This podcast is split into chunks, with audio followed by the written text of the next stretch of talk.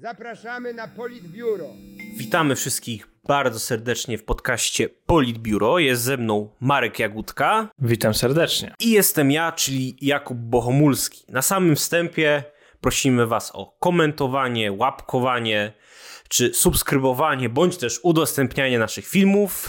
Jak tutaj możecie zauważyć, film wyszedł trochę długi, więc mam nadzieję, że to, co zamierzamy do Was powiedzieć, będzie tego warte i, że tak powiem, docenicie albo i skomentujecie, gdzie się nie zgadzacie, albo jeśli uważacie inaczej, e, to, co dla Was przygotowaliśmy. A dzisiaj będziemy mówić o filmie Bóg nie umarł, który ja na przykład zdam z lekcji religii. Możecie tutaj mnie e, poprawić albo napisać w komentarzu, jeśli uważacie inaczej, bo Marek na przykład go obejrzał prywatnie.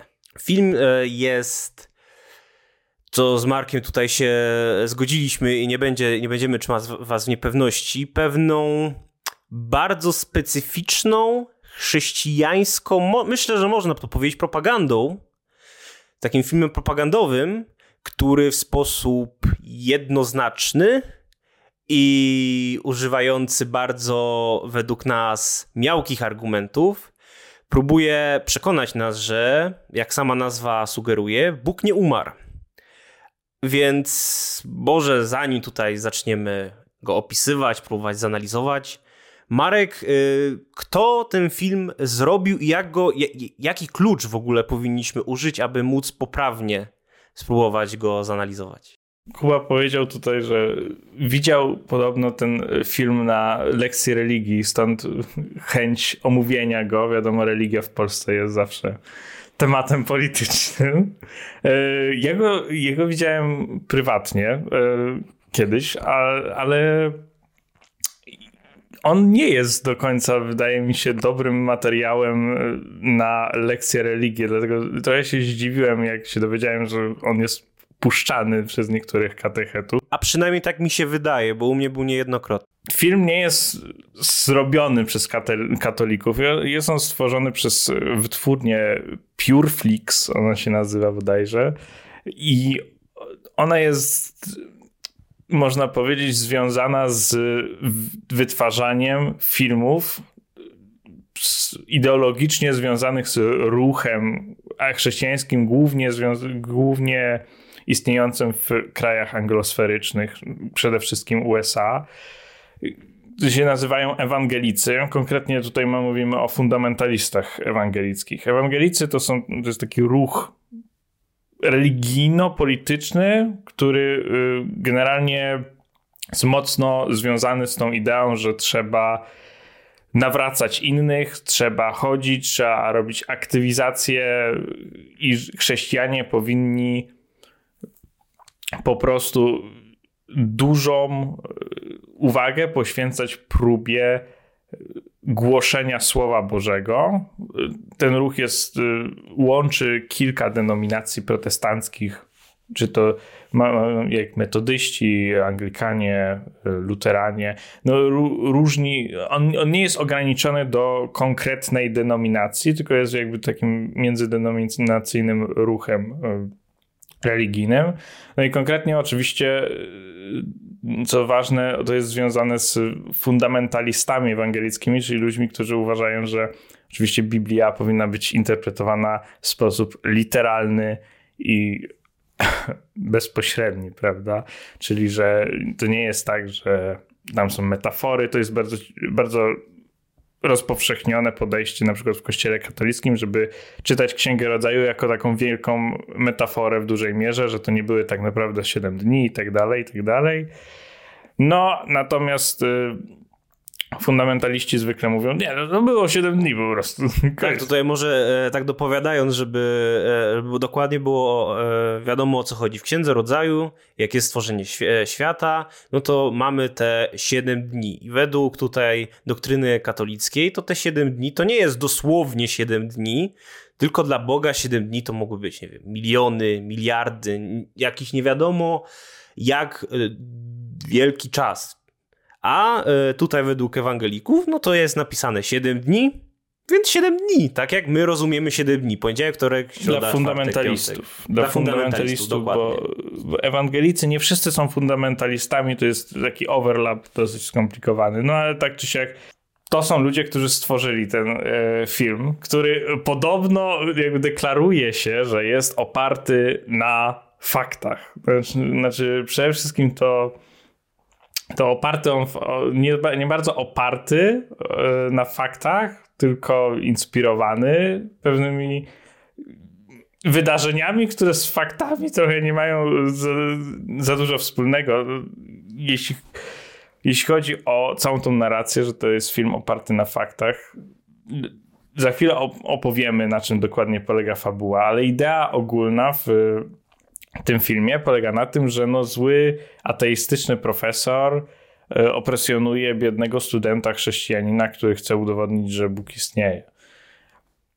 I e, na końcu filmu, w napisach, e, twórcy załączyli sobie listę spraw sądowych, w których niby są przykłady prześladowań chrześcijan w Stanach Zjednoczonych. To może dopowiadając, nie załączyli listę, aczkolwiek załączyli e, adnotację, że film jest oparty na faktach, na rzeczywistych wydarzeniach, które miały miejsce. Jest też bodajże link do e, fundacji, która jakby pomaga w takich sprawach i że jeśli my no tutaj w domyśle mamy podobny problem, to tak samo możemy się do nich zgłosić i ta nasza sprawa zostanie e, dostaniemy pomoc bodajże prawną, z tego co pamiętam. Tak, i jeśli chodzi o y, te sprawy sądowe, które podobno były, jakby na których podobno oparta jest, oparty jest ten film, no to najciekawsze jest to, że stanowcza większość z nich to jest w ogóle najczęściej jakaś sprawa, w której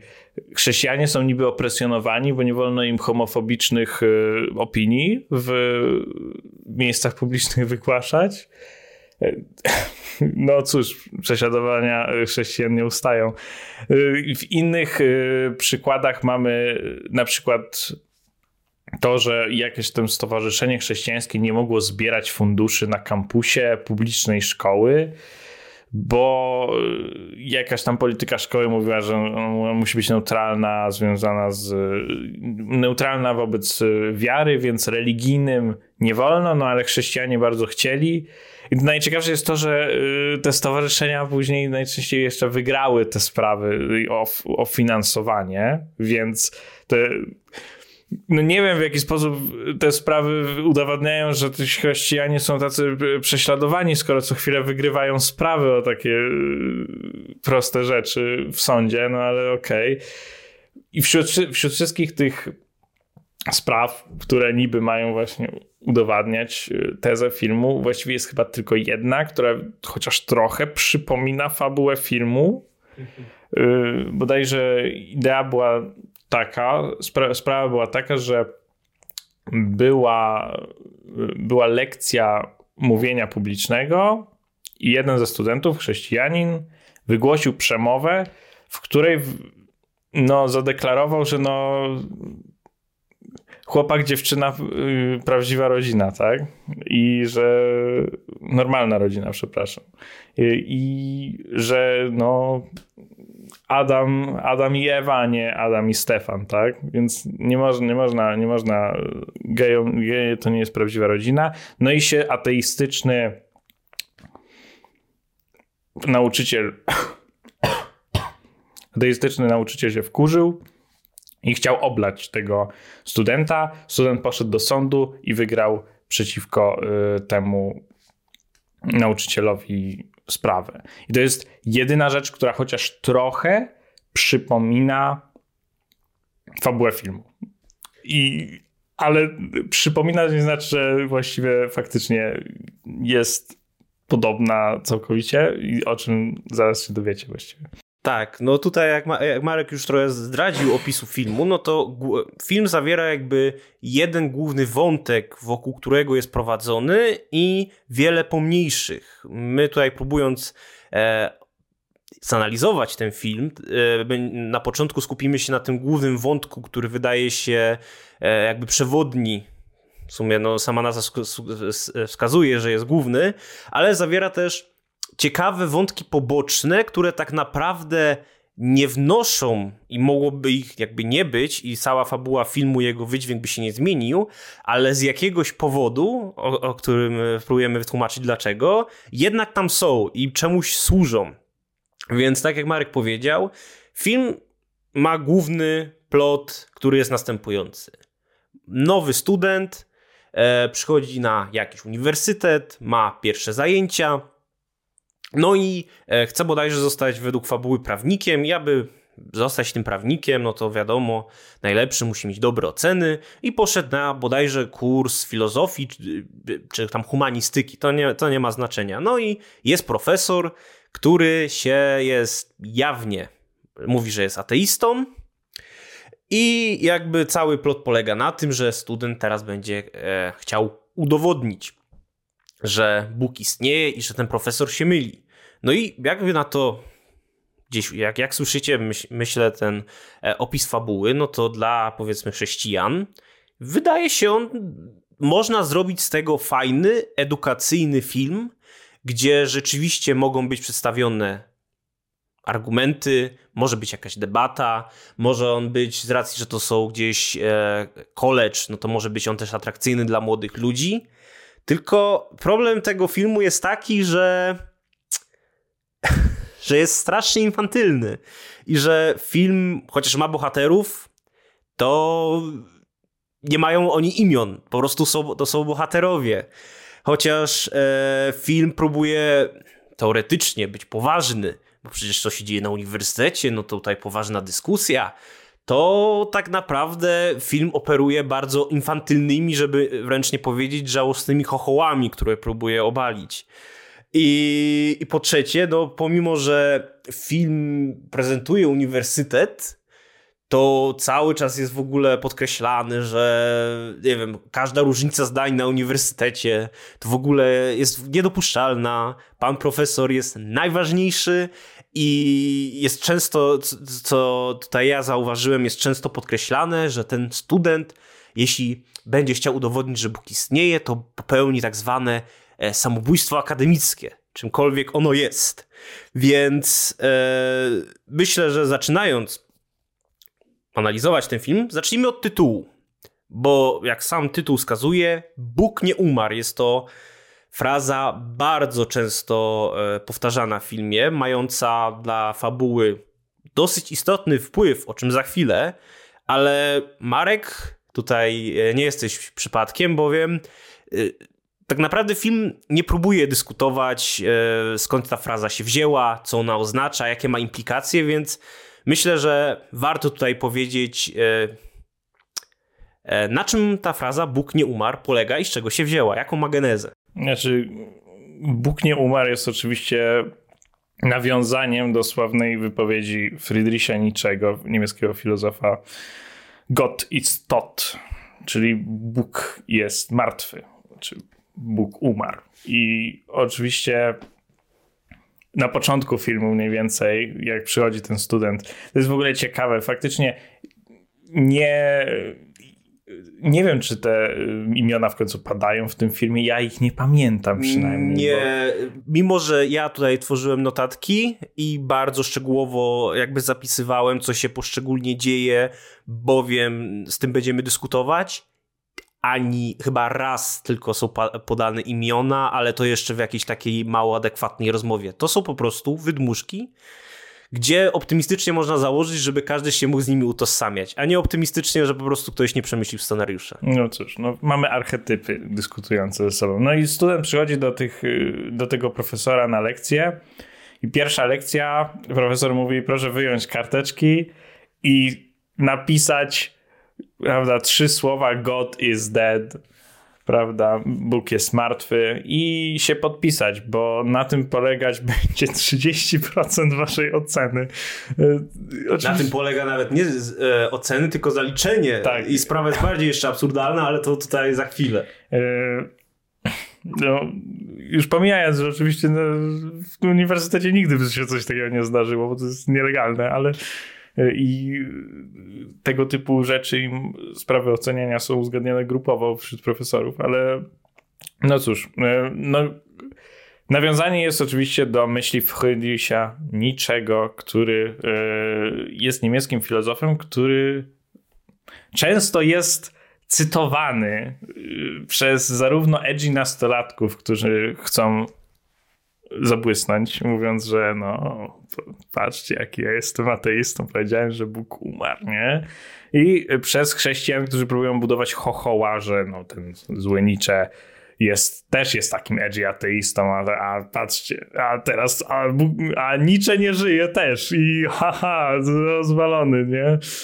Yy, przede wszystkim warto zaznaczyć, że cała ta fraza Bóg nie żyje, czy Bóg umarł i my go zabiliśmy, co, co jest, nigdy nie pada druga część tego zdania w filmie, yy, nie jest jakimś nie jest jakąś tezą, którą Nietzsche sobie powiedział, żeby zaznaczyć, jaki on to jest ateistyczny, tylko to była forma krytyki kultury, która powstała na skutek oświecenia. Przez oświecenie w Europie kultura zmieniła się w nową humanistyczną, świecką formę, w której wszystko może być zakwestionowane. I Bóg też mógł, może zostać zakwestionowany. Pojawiło się to idea kwestionowania Boga, była, która była w Europie dosyć nowa, bo wcześniej Bóg był mniej więcej w kulturze czymś oczywistym. Tego się nie kwestionowało. Możemy spojrzeć na przykład na to, jak e, jeszcze właściwie wcześniej e, filozofowie oświeceniowi, jak e, John Locke, bazują swoje teorie polityczne dotyczące równości praw e, naturalnych wszystkich ludzi na tym, że no oczywiste to jest, że wszyscy mamy, mamy równe prawa, no bo wszyscy jesteśmy potomkami Adama i Ewy, a Adam był pierwszym królem, więc oczywiste, oczywiste jest, że wszyscy mamy jakiś, w jakimś stopniu e, boskie prawo. I od tego wychodzi w ogóle teoria praw Johna Locke'a. Ona jest bardzo chrześcijańska. I mogła być bardzo chrześcijańska, bo w kulturze było to dosyć oczywiste, że po prostu Bóg istnieje i tyle. I to jest y, normalne. Warto tylko myśleć nad tym. Y, mo można rozmyślać y, nad tym, dlaczego on tam musi być, czy co to oznacza dla ludzkości, ale generalnie w kulturze było oczywiste, że bez Boga nie może być świata.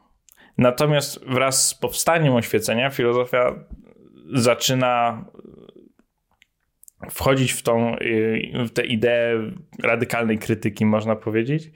I no, mamy idee, które kwestionują istnienie Boga i przez to według niczego w dużej mierze y, oznacza to, że zatracamy fundament wartości i moralności, które wcześniej kontrolowały jakby ludzkie myślenie i popadamy w dekadencję, czyli myślenie tylko w, w, kategoriach własnej przyjemności i komfortu. I to jest swoją drogą krytyczne podejście niczego, bo Nietzsche w, mówiąc o śmierci Boga w dużej mierze myśli o niej raczej jako pewnym stopniu tragedii, w pewnym stopniu, oczywiście to nie jest takie płaskie, bo Nietzsche fanem chrześcijaństwa też nie był, ale w pewnym stopniu śmierć Boga dla niczego jest raczej y, wydarzeniem tragicznym. Zakwestionowaliśmy Boga i już nie możemy myśleć w kulturze o nim jako o jakiejś oczywistości. A to oznacza, że straciliśmy fundament y, prawdy, którą, którą wcześniej, której wcześniej używaliśmy, żeby usprawiedliwiać idea obiektywnej rzeczywistości na przykład. No Descartes czy Cartezjusz yy, na przykład opiera swoją epistemologię o ideę, że no dobry Bóg przecież nie dałby nam całkowicie oszukujących nam zmysłów, prawda? Yy, no cóż, teraz yy, w, z tą zmianą, w której Boga nie ma i a raczej jest nieoczywisty, no to praw sama prawda, sama idea obiektywnej prawdy upada. I jesteśmy zagubieni w takim nihilistycznym nowym świecie, w którym po prostu każdy robi to, jak mu najbardziej komfortowo będzie. No i to, to później jest podstawą dla niczańskiej yy, idei stworzenia wartości na podstawie woli mocy i tak dalej, ale o tym już film nie mówi, więc... Tak, no y, słyszeliście, co powiedział Marek, no to w filmie to jest y, użyte po prostu, no Bóg umarł, nie żyje, nie ma go, e, podli ateiści, prawda, chcą, żeby Boga nie było. Więc, żeby nie być go, gołosłownym, spróbujemy przekazać i w pewnym sensie zanalizować przy najważniejszych punktach e, fabułę, jaką tutaj prezentuje film. Więc zacznijmy od, takie, od głównego jakby osi fabuły, czyli od właśnie studenta. Więc mamy powiedziane na początku, no, że jest student, imienia oczywiście nie znamy, chociaż tam gdzieś się pojawia, aczkolwiek nie jest ono istotne, tak jak, tak jak no, jest tak łatwe do zapomnienia, bo nie ma charakteru ten student. Że... Bo nie ma charakteru. No to może być każdy z nas, a zarazem może to być nikt, który po prostu musi uczestniczyć tam w zajęciach humanistycznych, więc wybrał sobie e, zajęcia bodajże z podstaw filozofii, gdzie już od początku, nawet e, jak są gdzieś zapisy na te zajęcia, no to jest mu mówione, o nie, nie, kochanienki, e, widzę, bo oczywiście on tutaj ma krzyż, go widać, wisiorek, i on mówi, a, yy, że nie będzie tak źle. No i przychodzi na zajęcia, który, e, gdzie powiedzmy ekscentryczny profesor ateista. Słuchajcie, pierwsze co robi, to mówi, że wita, dzień dobry. No i że Boga nie ma.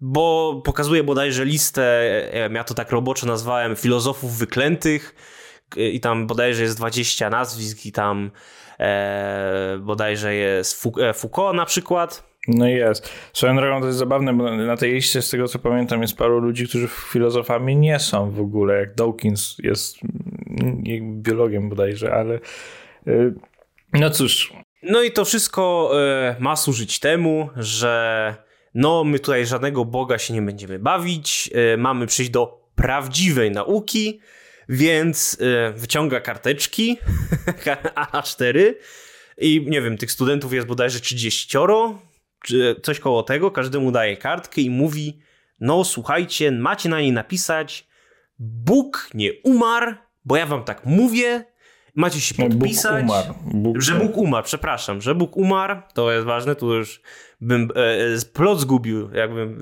powiedział, że Bóg umarł, bo się nie będziemy tutaj bawić w żadne dyrdy mały e, i macie to podpisać. No, student, którego będę tutaj myślę nazywał studenciak, e, oczywiście się buntuje, bo on jest bardzo głęboko wierzący i mówi, że no tego nie, tego nie zrobi. No to profesor oczywiście mówi mu, że okej, okay, no masz powiedzmy wolny wybór, możesz to zrobić, w sensie nie napisać tego, ale musisz przed studentami udowodnić, że jednak Bóg istnieje. I tam bodajże jest kilka zajęć, i tam będzie 20 minut po każdych zajęciach, abyś mógł to poudowadniać. I e, teoretycznie mówi mu, że może to zrobić, ale gdzieś też jest domyśle, że no, sobie możesz mówić co chcesz, ale ja tu walczę e, o to, żebyś nie zdał i tak naprawdę cokolwiek zrobisz, tak naprawdę nie zdasz. I właśnie popełnisz te samobójstwo akademickie, o którym już mówiłem. Więc no, studenciak się godzi, bo to gdzieś jest pewna walka, że się nie może wy, wyprzeć Boga. Jest tam bodajże cytat, że e, tak naprawdę nasza wiara tutaj jest sprawdzana, jest tam głęboka tylko podczas właśnie takich wyzwań.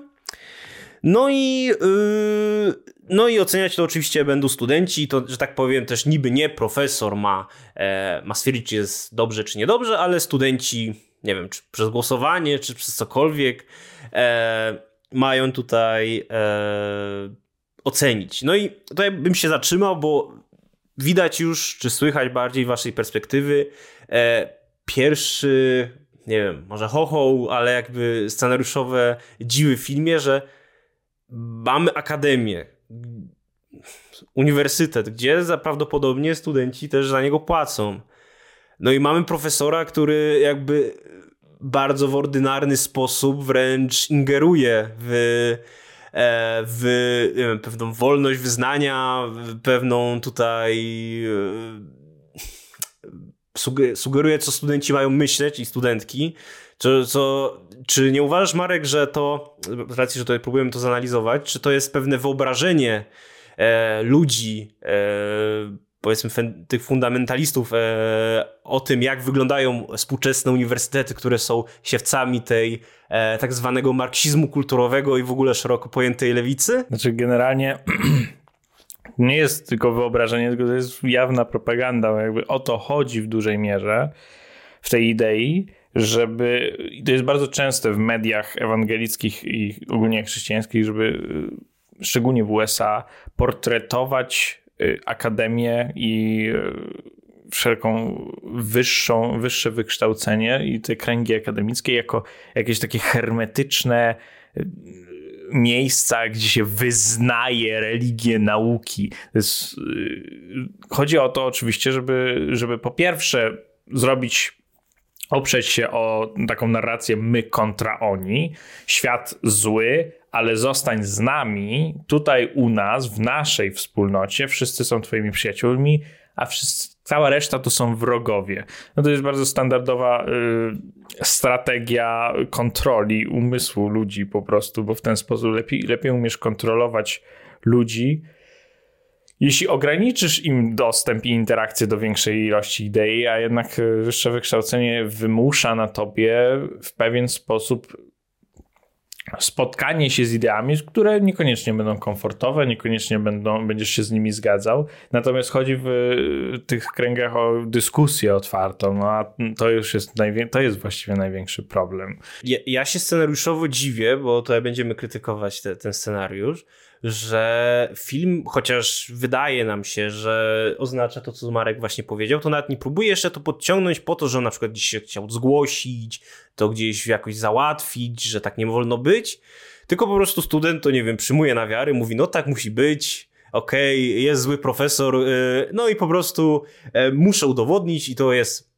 próba od Boga, tak? Nie ma tutaj żadnego takiego realistycznego scenariusza albo próby, żeby usprawiedliwić właśnie to patrzenie, że no on próbował gdzieś to e, podejść do jakiejś komisji które, dyscyplinującej, czy tam etycznej, czy jakiejkolwiek i to spróbować po prostu, jak normalny człowiek, spróbować po prostu rozwiązać ten problem. No o to chodzi, że jakby chodzi o to, żeby sportretować wyobrażenie Ameryki, w tym przypadku Ameryki, ale ogólnie świeckiego państwa, jako takiego, który nie ma żadnych jakichś komisji, do których można to zgłosić. Chodzi o to, żeby stworzyć ideę i wyobrażenie y, wyższego wykształcenia i tych wszystkich środowisk uniwersyteckich jako taką formę y, miejsca, w których po prostu tak jest i nie da się inaczej do tego podejść, bo to wytwarza to, to patrzenie, to, to wytwarza to, to wizerunek wroga w ten, w ten sposób. To jest w ogóle też bardzo ciekawa projekcja, która się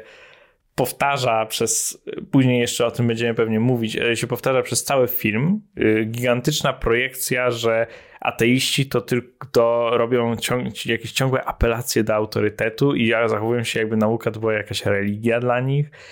Y, no, jak, podczas gdy właściwie środowiska naukowe raczej się opierają na otwartej debacie i wymianie, wymianie idei, wymianie teorii, wymianie jakichś danych, które w jakiś sposób mają przemawiać za tym lub za tym.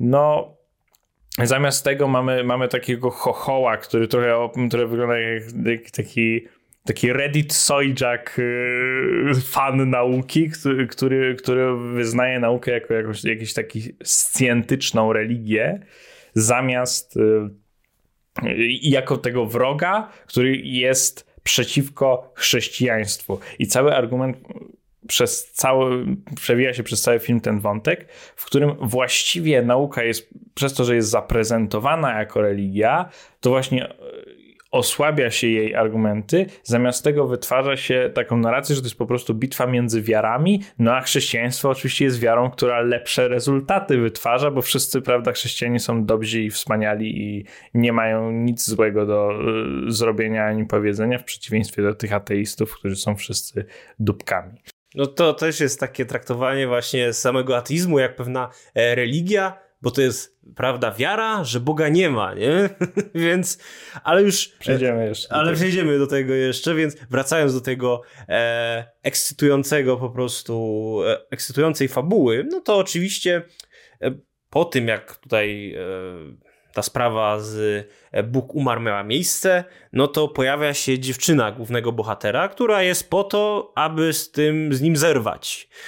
Więc e, jej tutaj mówi, prawda, że słuchaj, bo to są z tego chyba, co wynika filmu, ona i on e, są razem, oboje są wierzący i dziś ze sobą chcą mieć wspólną przyszłość. Więc dziewczyna mu oczywiście mówi, że e, że była drugą najlepszą uczennicą w jakim high school. Ona tu mogła pójść na lepszy uniwersytet, ale chciała iść z nim. Więc on, żeby zapewnić sobie dobre oceny, dobrą przyszłość, ma nie udowodnić, że wierzy w Boga, tylko e, ma zrobić to, co mu się e, mówi, bo on studiuje prawo, to jest bardzo po, po, po, e, poważna sprawa i teraz muszą wszystkie, że tak powiem, e, jakby rzeczy uzgadniać wspólnie. No i oprócz tego, co ta dziewczyna powiedziała, to praktycznie później z nim bodajże zrywa i już się więcej nie pojawia. Więc studenciak z racji, że próbuje rozwiązać ten problem, a tutaj trzeba podkreślić, że to jest, wiecie, student debil, pierwszy rok, co on może wiedzieć, nic nie wie, e, jeszcze popełni te samobójstwo akademickie, no to jako rozsądny tutaj chrześcijanin idzie do kościoła. Na w kościele oczywiście się modli, żeby rozwiązanie mu Bóg podał na tacy najlepiej i spotyka kapłana, gdzie kapłan tutaj proponuje mu, żeby zajrzał do Biblii. Oświecenie.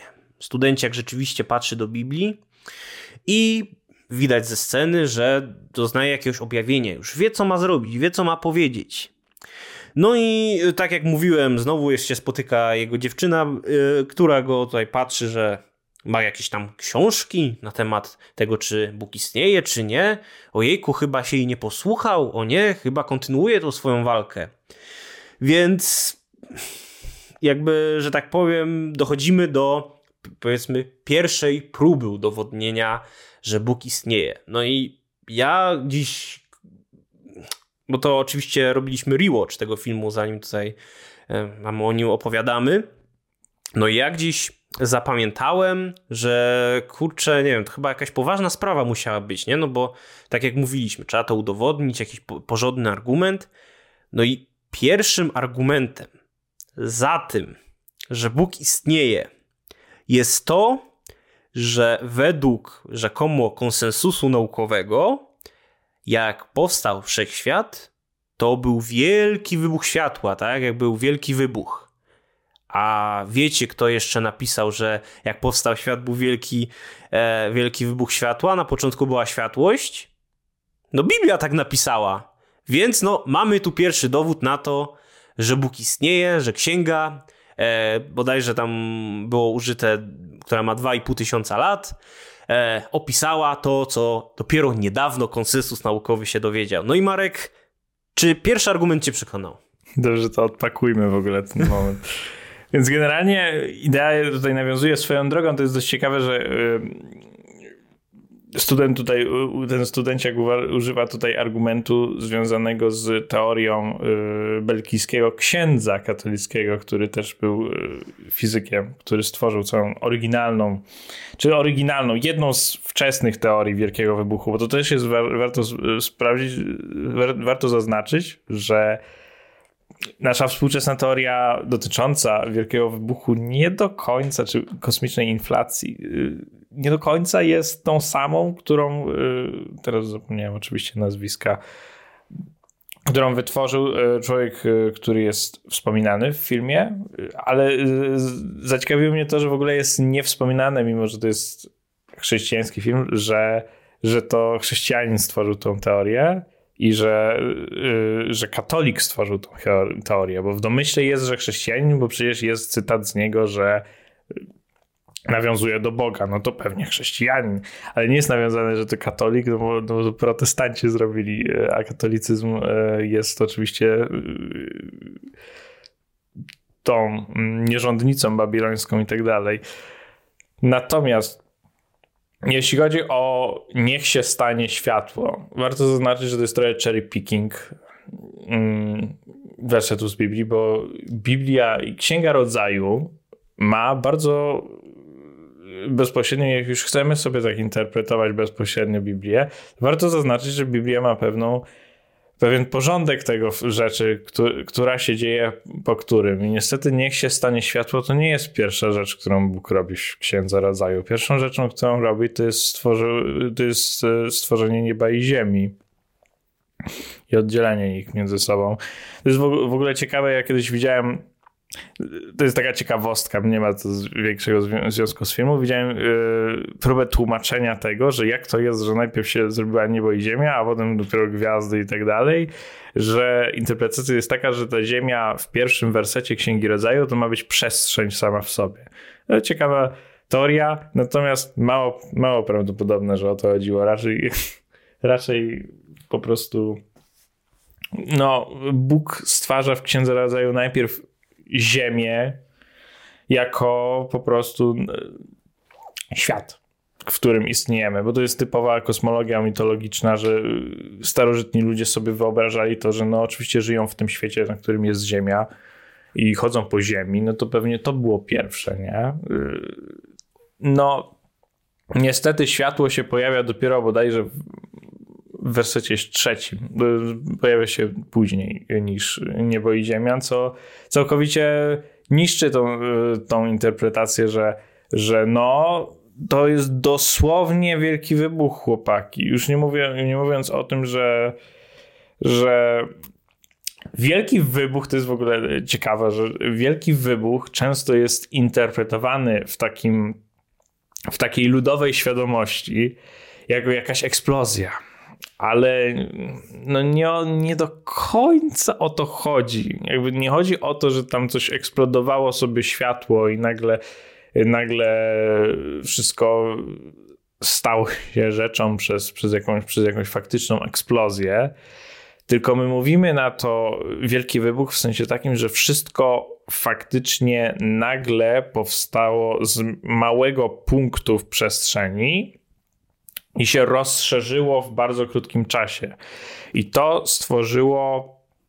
No i to temu towarzyszyło oczywiście pewnie dużo światła i ciepła, bo jak, jak tak dużo, jak cała materia we wszechświecie była skupiona w takiej małej przestrzeni, no to, no to była ściśnięta, to wytwarzało pewnie yy, tam dużo energii, prawda? Ale no to nie jest, to nie jest takie proste, jak to jest tu prezentowane.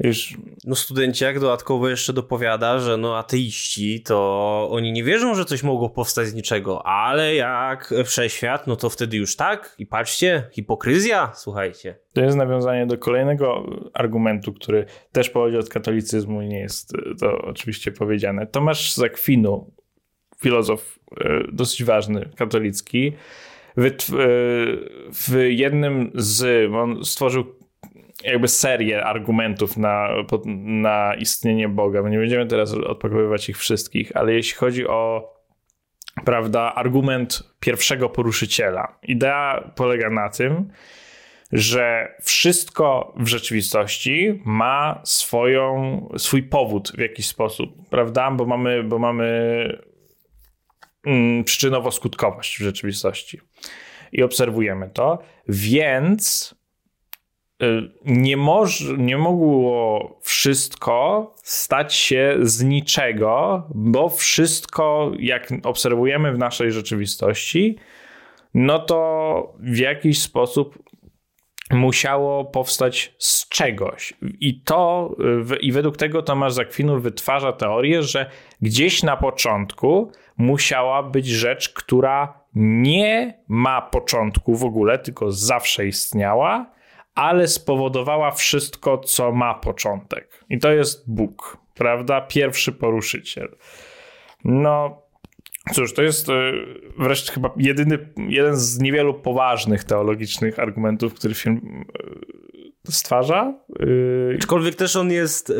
stawia. Też on nie jest na głównym piedestale, tylko on jest bardziej dopowiedzeniem do tego pierwszego argumentu, tak. że było światło. To jest ciekawe swoją drogą.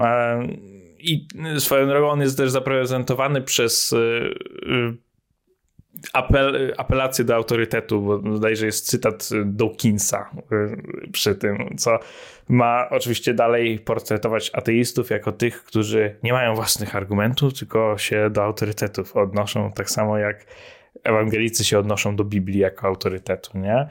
Mimo, że tak w rzeczywistości nie do końca jest. Tak czy siak, y, to jest ciekawy argument z teologicznego punktu widzenia, jeśli chodzi o y, pierwszego poruszyciela. Ja osobiście yy, lubię odpowiadać na to w ten sposób, że nie do końca tak, yy, nie do końca, bo to wytwarza, na wytwarza wszystko, stawia wszystko w asumpcji, że yy, przyczynowo-skutkowość zawsze musiała też istnieć i istnieć w jakiejś rzeczywistości, która, według której Bóg mm, też istnieje, prawda?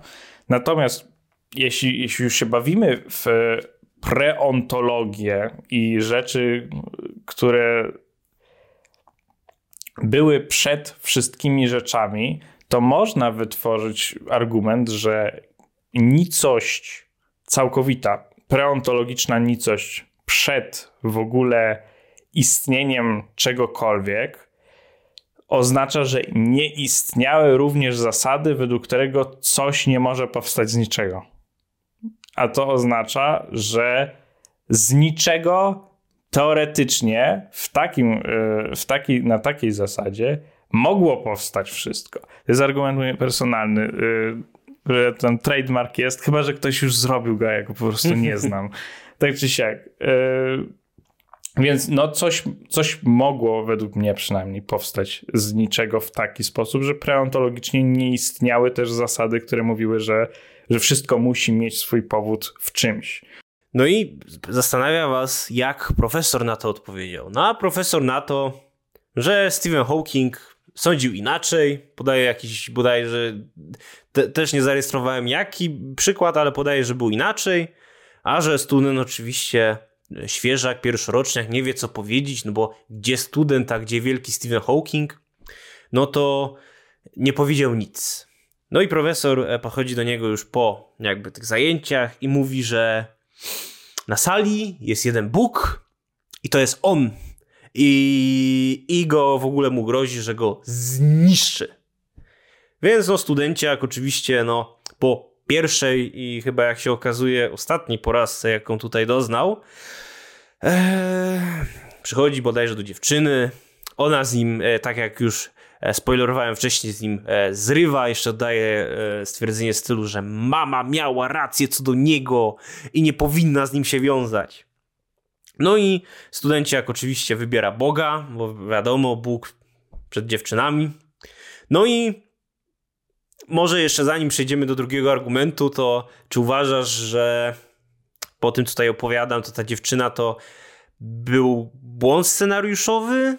Czy miała jakiś specyficzny cel, aby na przykład odciągnąć bohatera od tego, co ma zrobić, czy go zniechęcić? Jak, jak ci się tutaj wydaje? Nie no, celem narracyjnym w pewnym sensie jest stworzenie...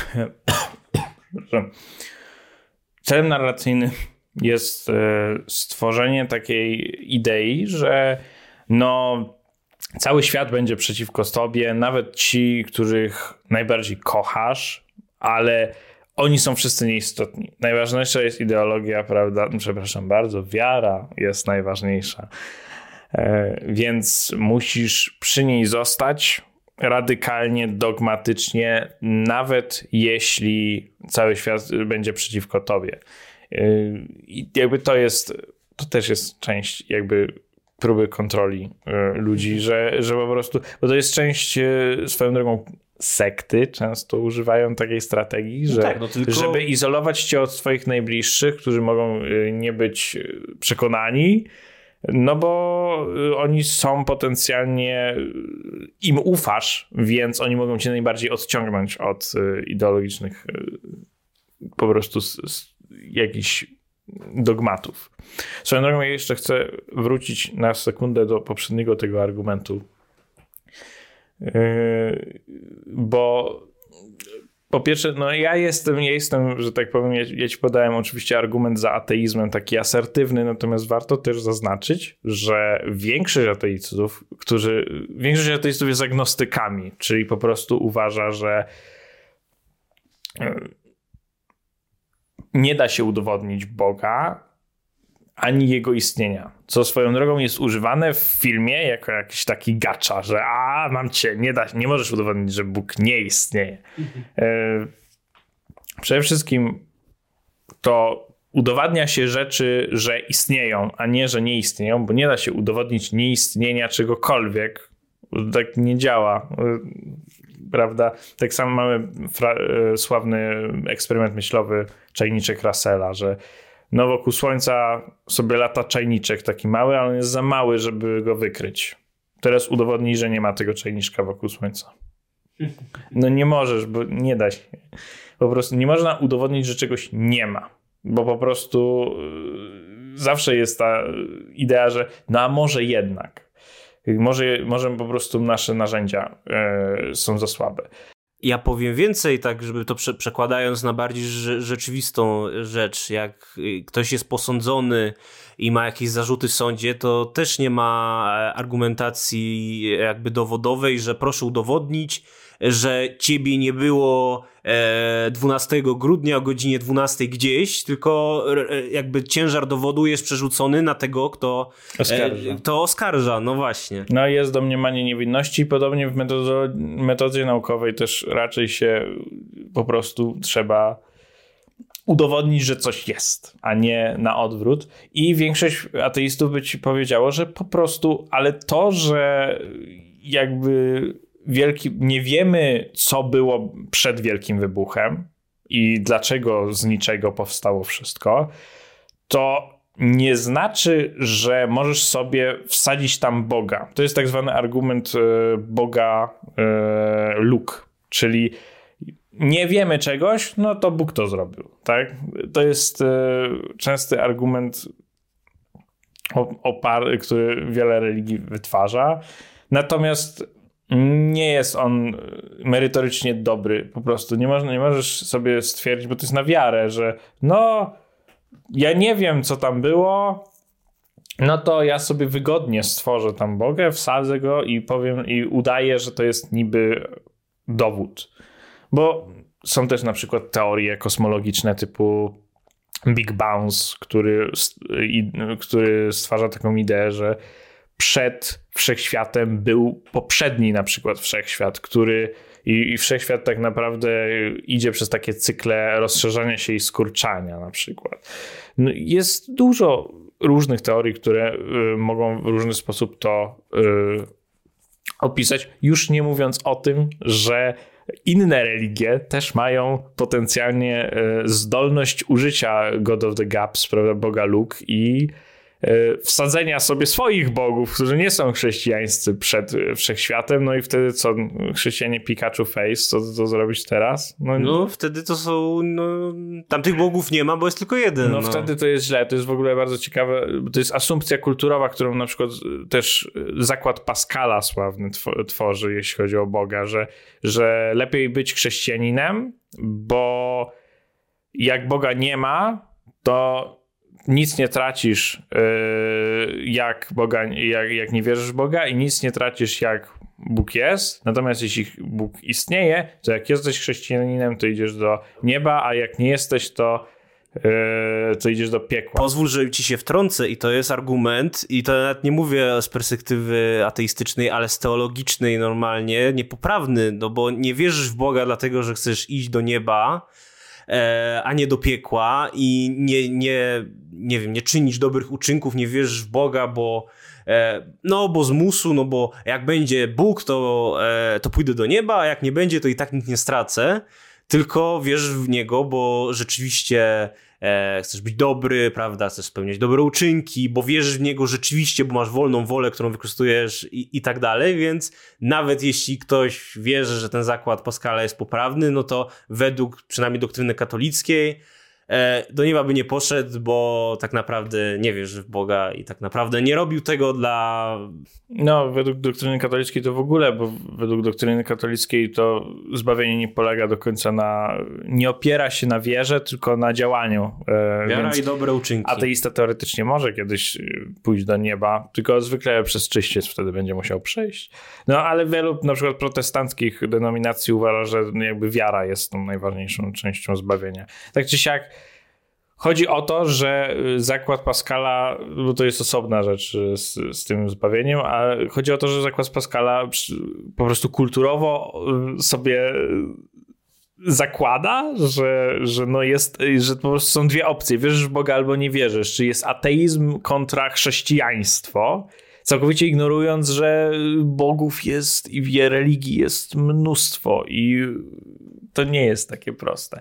I ta, ten framing tutaj z kosmologicznym argumentem jest taki sam, bo y, zakłada, że no albo uważasz, że świat się wziął z niczego, albo że y, wierzysz, że chrześcijański Bóg go stworzył. I nie ma, nie ma pomiędzy, że jesteś z innej religii, albo że uważasz, że jest jakaś naukowa teoria, która uważa, że coś wcześniej było, albo uważasz, że nie da się udowodnić. Nie, to te wszystkie rzeczy nie istnieją. Tak, więc tutaj przechodząc dalej do drugiego, drugiego zaledwie dowodu. E, oczywiście studenciak się przygotował i wziął e, jakieś tutaj zdanie Hawkinga, e, które brzmi, ponieważ jest, e, istnieje prawo grawitacji, wszechświat mógł i został stworzony z niczego. I próbuje, że tak powiem, wytknąć w tym zdaniu trzy błędy, tylko że nie on jakby próbuje, tylko się podpiera e, słowami Johna Lennoxa, czyli tam jest w filmie napisa- powiedziane, że to jest jakiś chrześci- e, filozof, który wierzy w, w Boga. No i tutaj jest argumentacja taka, że te błędy, które wielki Stephen Hawking powiedział, no to, że wszechświat istnieje, bo musi istnieć, dlaczego stwo- dlatego stworzył się sam, a później na tej podstawie próbuje się e, tłumaczyć, dlaczego do tego doszło. No i oczywiście tutaj wiadomo, argument nie do podważenia, więc profesorek tutaj e, mówi, że no jak tutaj student może wielkiego profesora Hawkinga, e, tutaj e, geniusza, jak może mu wytykać błędy?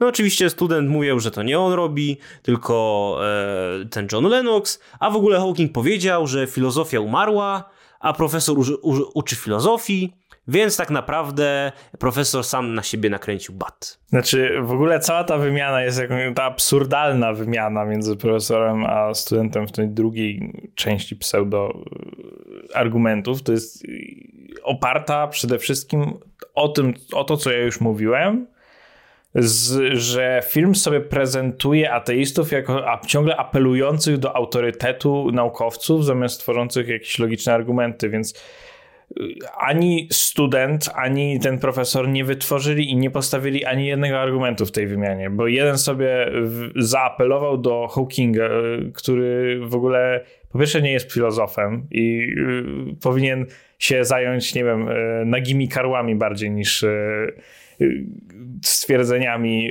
o tym, że filozofia jest martwa, czy że czy, czy skąd się wziął wszechświat, bo jakby on był fizykiem i miał ogromny łeb do tego, ale miał jakąś irracjonalną nienawiść do filozofii i y, w dużej mierze cały argument polega na tym, że profesor robi apelację do niego jako jakiegoś religijnego autorytetu, mimo że ateiści nie, nie widzą naukowców jako religijny autorytet. I student sobie odpowiada, że a on powiedział tak, miał irracjonalne, yy, nie, irracjonalną nienawiść do filozofii, więc twój argument jest inwalidą. No, rzecz w tym, że w całej tej scenie tak naprawdę ani jeden, ani drugi nie powiedział nic y, substancjalnego. Absolutnie. Jakby się zwyzywali o, o Stephena Hawkinga, to jest tyle. No każdy z nich y, tak naprawdę powołał jakiś argument, z którym oczywiście nie wolno dyskutować, bo przecież wiadomo, że na uniwersytecie to nie ma tak, że się dyskutuje, tylko jak jest autorytet, no to mu się bezwzględnie ufa. Ten powiedział jedno, ten powiedział drugie, studenci mają ocenić, kto ma rację, koniec, kropka, dziękuję. No ale skoro, kurczę, Marek, dwa pierwsze argumenty ci nie przekonają, no to może trzeci cię przekona, no bo trzeci argument tutaj brzmi następująco. Darwin, jego teoria ewolucji, tłumaczy, prawda, co się dzieje, jak już jest życie, tak? Czyli, że życie ewoluuje, adaptuje się, a Lenie odpowiada na pytanie, skąd się tu życie wzięło. Więc z racji, że jest podany też jakiś absurdalny przykład, którego jakby ten cały chochoł, który teoretycznie też powinien być dosyć prosty, jest jakby sugerowany, że jeśli czas życia ma dwa, cały, damy to 24 godziny, no to te wszystkie gatunki, jakie znamy, powstały w bardzo krótkim czasie, czyli naraz, a skoro one powstały naraz, to jest tak jak w Biblii, tak jak Pan Bóg powiedział i koniec, kropka. To jest argument, że Darwin się mylił, e, Bóg istnieje i że skoro wydaje nam się, że życie to jakiś taki randomowy proces, to być może je kontroluje jakaś siła od początku do końca. I tyle. Dobrze, no to wejdźmy w to. E... I żeby nie było, że e, żeby tutaj podkreślić, że e, poglądaliśmy po łebkach i, i nie wiemy o czym mówimy. Tak, rzeczywiście jest to przedstawione w filmie. Znaczy, argument jest samo pokonujący się, bo nawiązuje do Biblii, a potem mówi coś o. a potem próbuje nawiązać do nieregularnego jakby czasu i odstępów czasu w stworzeniu życia i tak dalej, mimo że w Biblii to jednak stworzenie życia i wszystkiego innego następuje w pewnych regularnych odstępach czasu i w pewnym w pewnym porządku, który w ogóle nie koresponduje do tej metafory z zegarkiem. Już nie mówiąc o tym, że fakt, że duża część gatunków wyewoluowała w krótkim czasie relatywnie do reszty y, historii życia nie za bardzo jest argumentem, bo to nie oznacza, to jest ponownie Bóg Luk, yy, tylko taki trochę kulawy, bo my wiemy, jak mniej więcej te yy, gatunki wyewoluowały, tylko to jest tak zaprezentowane, jakbyśmy w ogóle nie wiedzieli, skąd one się wzięły. Te gatunki wyewoluowały, bo po prostu powstała radykalna zmiana w dużej mierze z, w, ich, w ich środowisku, które, i, która pozwoliła na dywersyfikację genów i dywersyfikację sposobów przeżycia tych gatunków, przez to, że różne gatunki zmieniły swoje środowisko, no to i środowisko zaczęło być bardziej zdywersyfikowane przez powstanie roślin, nowych ekosystemów i tak dalej, a nie już tylko siedzenie w oceanie przy tak jak pierwsze, pierwsze e, formy życia siedziały na dnie oceanu, głównie wokół e, kominów e, wulkanicznych na dnie oceanu, no to tam wiele gatunków nie istniało, bo tam było, był pewien zamknięty ekosystem, nie za bardzo dało się wyjść na ląd.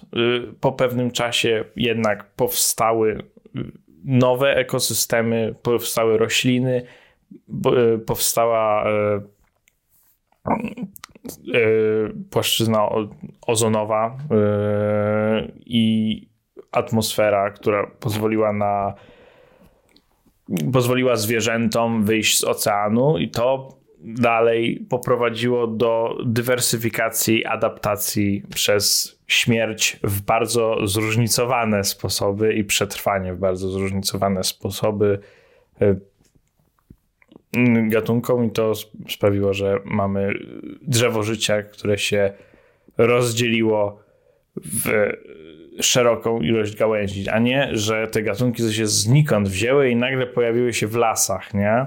No, no, no jest to dosyć śmieszne. Tak, no i tutaj po tej wybitnej argumentacji profesorek oczywiście no nie wie, co ma powiedzieć. No ewidentnie został zaorany znowu i e, studenci jak oczywiście, e, bo profesor reaguje oczywiście emocjonalnie, że to kłamstwa, on nie wie dlaczego to są kłamstwa, ale to są kłamstwa. No i studenciak, oczywiście po, zaj- po zajęciach, żeby nie było innych studentów, wiadomo, się pyta, co mu się stało.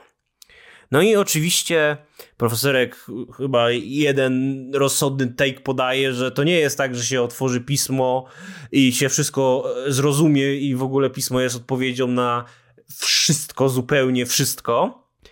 E, I że można mu rzucać e, i tam podaje jakieś randomowe cytaty. No i studenciak tutaj rzuca, jak to, co się stało, czemu pan tutaj nie wierzy, skąd pana ta nienawiść? No i tutaj profesorek odpowiada, że miał trudną sytuację, był wierzącym chrześcijaninem bardzo mocno, był z rodziny yy, wierzącej, co jest warte podkreślenia i zapamiętania, bo zaraz powiemy dlaczego. I że jego matka umarła na raka, mimo że się modliła, no to Pan Bóg, nie wiem, nie odpowiedział, nie uzdrowił jej i ona po prostu umarła. No i, i to jest, że tak powiem, na tym się kończy scena. I to jest o tyle ciekawe, że film tutaj próbuje sugerować, bo to też się gdzieś po, e, jakby pojawia, że tak naprawdę ci ateiści to nie jest tak, że e, to nie jest tak, że oni e, po prostu nie wierzą, bo tak. To są ateiści, tutaj są przedstawiani jako osoby, które być może kiedyś wierzyły, ale teraz przestały wierzyć. To są osoby, które być może trzeba przekonać, żeby się, e, że warto wierzyć. I na tej podstawie gdzieś się tutaj, e, w tym filmie przynajmniej są zaczątki, że ten profesor jednak jest gdzieś do przekonania. Że to jest e, zabawne z tego względu, że oczywiście to wchodzi w jakąś taką inną narrację dotyczącą złych ateistów, która jest bardzo popularna wśród fundamentalistów chrześcijańskich, że tak naprawdę ci ateiści to wszyscy wiedzą, że Bóg jest prawdą ostateczną, jedyną i tak dalej, bo to jest oczywiste, że Bóg jest i trzeba być jakimś głupim debilem, żeby uważać, że nie ma Boga, bo to jest przecież taka oczywista prawda. A idea, że oni nie wierzą, jest wzięta tylko z tego, że oni y, że nie wierzą i kłamią, że Boga nie ma, no bo chcą ro robić co chcą, albo że nie lubią Boga z jakiegoś powodu. Jest ta większa narracja, co wchodzi w większą narrację, najczęściej, że w ogóle jeszcze jakieś demoniczne siły są z tym związane i tak dalej, albo po prostu grzeszne y, pożądania czy resentment y, ludzi. I, I wszyscy ci ateiści tak naprawdę są w sekrecie chrześcijanie, tylko oni jeszcze nie, nie zaakceptowali tego. Znaczy, to jest bardzo wygodna narracja, bo je, jeśli tak naprawdę nie ma prawdziwych ateistów, no to każdego można przekonać. Każdy tak naprawdę gdzieś e, jest gdzieś sugerowany, że tak naprawdę każdy ateista to to nie jest osoba, która rzeczywiście, tak jak mówiłeś, nie wierzy, tylko jest albo skrzywdzona, albo coś, no i po prostu no, się gdzieś w życiu pogubiła, tak. My mamy rację, oni też wiedzą, że mamy rację, tylko nie chcą tego przyznać, bo tak. No i, ale no to kurczę, skoro już nawet trzy dowody ci nie przekonały, no to może czwarty, e, e, chyba przedostatni już tutaj dowód, jaki jest sugerowany, no to tutaj student podaje, że i to jakby on tutaj wychodzi z tym take'iem, że no ateiści uważają, że Boga nie ma, bo jest zło. No, a i tu studenciak oczywiście próbuje wyjaśnić, prawda, że mamy wolną wolę, Bóg chciał, żebyśmy mieli wolną wolę i chciał, żeby jakby ludzie, którzy zostali stworzeni na jego podobieństwo, e, byli po śmierci jakby z nim razem w niebie, ale żeby to ludzie sami za pomocą wolnej woli wybrali, czy chcą z nim być, czy nie.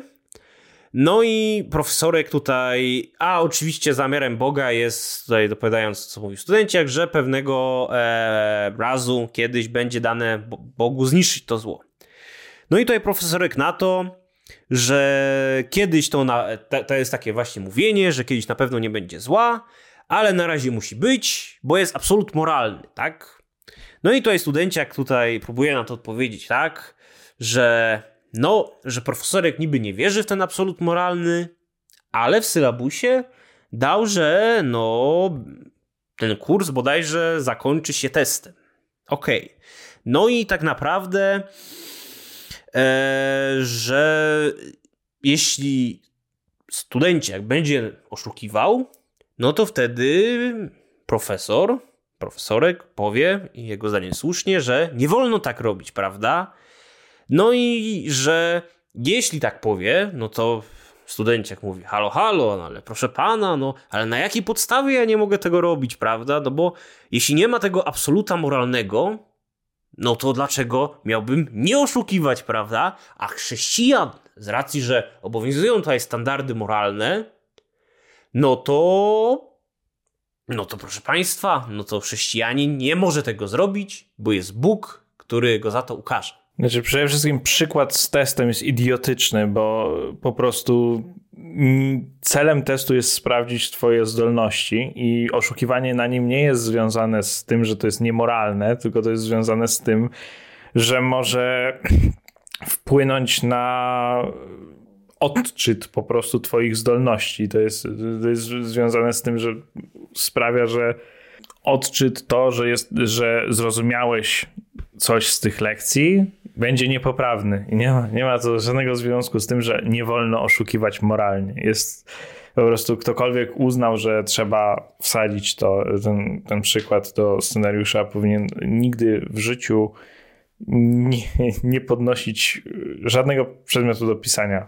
No ale ja powiem, ja powiem więcej, tak dopowiadając, że jest później użyty w ogóle argument, jeszcze jest cytowany Dostojewski, no że jak nie ma Boga, no to wiadomo, że wszystko jest dozwolone, prawda?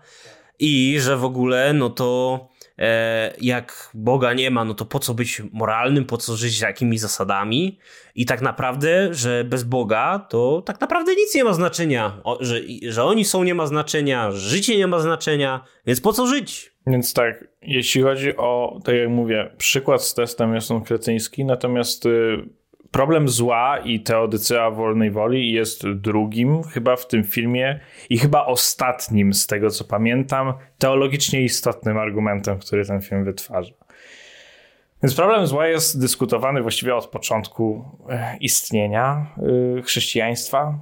Dlaczego istnieje zło, skoro mamy Boga, który jest wszechobecny, wszechmogący i wszech dobry, czyli nieskończenie dobry.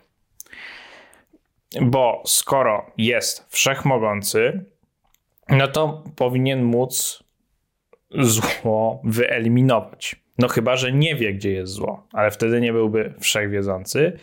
Albo uważa, że zło powinno istnieć, to wtedy nie byłby nieskończenie dobry no to może nie może, no ale wtedy nie byłby wszechmocny. To jest fundamentalny problem, e, tak zwany problem zła.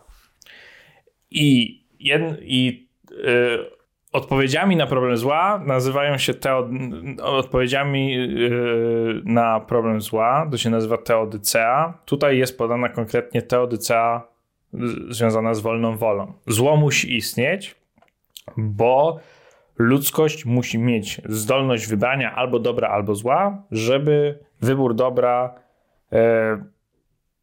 jakby był istotny, bo, bo wolność wyboru dobra sprawia, że dobro jest dobre, czy coś w tym stylu. Jakby. Argument jest trochę modyfikowany, bo czasami jest y, związany z tym, że wolna wola sama w sobie jest dobra na przykład i tak dalej. Natomiast no ja nie lubię tego argumentu z różnych powodów, ale przede wszystkim ja lubię, ja lubię taki e, sobie porównywać to do grawitacji. No grawitacja to jest jakaś, jakieś prawo, może tak, zanim, zacznę, zanim zacznę od tym, bo częstym odpowiedzią na to, że Bóg powinien móc sprawić, że ludzie wybierają tylko dobro, jest odpowiedź, że no, ale wtedy ludzie nie byliby wolni, bo byliby wszyscy kontrolowani jak zwierzęta czy automatony i w ogóle wtedy byłoby źle i zniewolenie ludzkości, tak? Że ja w ogóle przede wszystkim wspomnę, że ja nie jestem e, zwolennikiem w ogóle idei istnienia wolnej woli materialistycznie, więc swoją drogą, ale y, idea jest problematyczna z innego powodu. Nawet jeśli założymy, że wolna wola istnieje, no to mamy na przykład problem taki jak prawa natury. Grawitacja, prawda? Rzeczy spadają czy są przyciągane, prawda, przez pole grawitacyjne rzeczy większych. Tutaj mamy Ziemię, Ziemia jest duża, rzeczy spadają na nią. Ja nie mogę sobie zacząć latać nagle w górę, nie? Nie mam takiego wyboru. Z oczywistych względów, że prawo natury jest takie, a nie inne. I proponenci wolnej woli zwykle nie raczej by uznali za dosyć absurdalną ideę, że ja nie mam wolnej woli, bo nie mogę wybrać y, sobie, żeby zacząć latać, bo jestem ograniczony fizycznym prawem. Natomiast pojawia się tutaj standard podwójny, bo Bóg, jako architekt pierwotny rzeczywistości i praw rzeczywistości, teoretycznie mógłby stworzyć rzeczywistość, w której człowiek mógłby robić co chce, mieć całkowitą wolne, wolną wolę wyboru, ale rezultaty yy, jego działania nigdy nie kończyłyby się w, zł, jakby w stworzeniu zła. Jakbym próbował cię walnąć, na przykład nie, jakby nie, nie rezultowałoby się to w tym, że ja cię faktycznie uderzę i pobiję i tak dalej. Bo Bóg może zrobić wszystko, więc Bóg może zaprojektować rzeczywistość w taki sposób, że rzeczy, które są dla nas aktualnie intuicyjne w tej rzeczywistości, kończyłyby się w zupełnie innych rezultatach. I wtedy działałoby to, to tak samo, jak grawitacja działa w naszej rzeczywistości. I mamy jednoczesną koegzystencję wolnej woli, jak i pewnego ograniczenia na istnienie zła. Mamy tutaj problem podwójnego standardu, według mnie, w dużej mierze, jeśli chodzi o teodycę wolnej woli. Oczywiście jest teodycei jest więcej. Na przykład jedną z takich ciekawszych jest e, bodajże proponowana przez Tomasza Zakwinu ponownie, który był już wspominany, e, że tak naprawdę zło nie istnieje, tylko istnieje tylko dobro i to działa tak jak ciepło-zimno, że jakby zimno, my odczuwamy zimno, ale zimno nie jest rzeczą, która istnieje jakby pozytywnie, tylko tak samo jak ciemność nie jest rzeczą, która istnieje pozytywnie, tylko to jest brak. Ciemność to jest brak światła, zimno to jest brak ciepła i zło to jest brak dobra w tym sensie. Natomiast no oczywiście tutaj ktoś wredny mógłby zapytać, no e, dlaczego w takim razie, skoro e, skoro to dobro jest tą pozytywną rzeczą, która jest wszędzie, yy, która jest jakby asertywna, pozytywna, to czy nie powinniśmy być w stanie zauważyć jakby ekwiwalentów ekstremalnych braków dobra, typu, no ekstremalny brak dobra typu Holokaust, nie? Chciałbym zobaczyć, bo teoretycznie w takim myśleniu, no, no to wiadomo, że tak samo jak ciepło może wzrastać nieskończenie w górę, ale jest pewno jest absolutne zero, w którym nie ma nic z ciepła, prawda? No to oznacza to, że powinna być pewna asymetria w, występowania, w występowaniu dobra wobec zła, a jednak jakimś cudem zwykle widzimy więcej zła, bardziej ekstremalne przykłady zła, więc to też jest problem. Już nie mówiąc o tym, że no, to jest też związane z w ogóle teorycją wolnej woli, że wielu ludzi patrzy na zło jako coś, co niekoniecznie jest związane z intencją człowieka, nie? Katastrofy naturalne, na przykład mordujące ogromne ilości ludzi. No ale no, nikt tego nie stworzył. Dlaczego to istnieje? Dlaczego ludzie mogą ginąć bez intencji, bez intencji nikogokolwiek wybierającego zło? No cóż, w średniowieczu niektórzy ludzie mówili, że to przez demony. To jest taka ciekawostka, że, że naturalne katastrofy są związane z, z mocami demonicznymi. No dzisiaj wiemy, że nie do końca, ale... No i widzicie, Marek tutaj się produkuje, a w filmie jest po prostu e, to podsumowane jednym zdaniem, że tak naprawdę wszystko chodzi o to, czy wierzyć, czy nie wierzyć. Tak, znaczy jeszcze tu kontynuując, bo to jest ta teodycea, natomiast warto jeszcze zaznaczyć, że tezą inną w tym argumencie jest to, że moralność może istnieć tylko z Bogiem, e, tylko z istnieniem Boga jako absolutu moralnego. I teraz tak, mm, no jest dużo teorii filozoficznych, które próbują stworzyć humanistyczny standard dobra i zła. Utylitarjanie na przykład uważali, że przyjemność i ból to są jedyne empirycznie obiektywne y, podstawy, w których jakby rzeczy, które mogą zmierzyć dobro i zło, więc powinniśmy kalkulować nasze działania tak, żeby zmaksymalizować ilość przyjemności w rzeczywistości wobec bólu.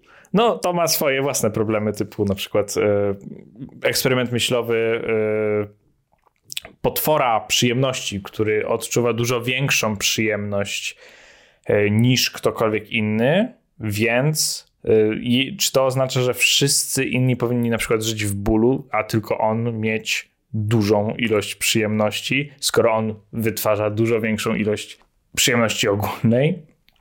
Tak samo jak na przykład mamy eksperyment myślowy mózgu w słoiku, który po prostu jest y, ładowany narkotykami, które sprawiają, że jest mu przyjemnie, a no, siedzi w słoiku i nic nie robi, nie? No są, są różne formy, na przykład John Stuart Mill wytwarzał ideę, że, przy, że nie da się kalkulować po prostu przyjemności, to jest zbyt skomplikowane, więc po prostu dajmy ludziom wolną wolę, żeby każdy yy, działał jak chce i żeby się rozwijał intelektualnie, to, albo bardziej intelektualnie rozwinięci ludzie są w stanie wytwarzać i opierać się o jakby doświadczać bardziej zaawansowanych przyjemności i tak dalej. Są oczywiście też inne teorie, typu y, Kant uważał, prawda, deontologiczny, kategoria, kategoryczny imperatyw Kanta, który mówił, że każdy powinien działać tak, jak według niego w idealnym świecie by było. Czyli jak uważa, że w idealnym świecie nigdy by, nikt nigdy nie kłamał, to powinieneś nigdy, nigdy, absolutnie pod żadnym pozorem nie powinieneś nigdy kłamać. Nawet jak uratuje to komuś życia. I y, to, to nawet nie jest y, jakiś docinek do Kanta, tylko bezpośrednio Kant uważa, że nawet jak uratuje to komuś życie, nie powinieneś kłamać, jeśli uważasz, że kłamać się nie powinno. Ja jestem zdania trochę powtarzając może po ludziach tacy, tak, takich jak właśnie wspomniane wcześniej na początku Nietzsche czy Stirner, że no tak, bez Boga nie ma moralności. No w pewnym sensie tak, bo to jest, bo to jest jednak prawda, że absolut moralny, taki jak, jako moralność absolutna, metafizyczna, no to wymaga jakiegoś źródła, który, które wytwarza ze swojej natury dobro i zło. Natomiast y, w rzeczywistości wszyscy wiemy, że wydaje mi się, że wszyscy wiemy, że sytuacje różne mogą z różnych perspektyw być lepsze lub gorsze dla każdego i nie ma prostych odpowiedzi na to, co jest dobro i zło. Nie, ja w ogóle nie uważam, że istnieje coś takiego metafizycznie. I tak, można w pewien metafizyczny sposób można powiedzieć, że wszystko wolno. No tylko, że oczywiście to nie oznacza, że ja na wszystko pozwolę. Nie? Ja na przykład sobie osobiście uważam, że pewnych rzeczy się nie powinno robić, a pewne rzeczy się powinno robić. I są ludzie, którzy się ze mną na ten sposób zgadzają, i my sobie razem dojdziemy do konsensusu i wytworzymy instytucjonalne struktury, które wymuszą pewne działanie i na tym polega prawo na przykład, nie? I nie musimy mieć jakichś absolutów moralnych, wystarczy, że my się zgodziliśmy, że no my chcemy, żeby tak było, nie?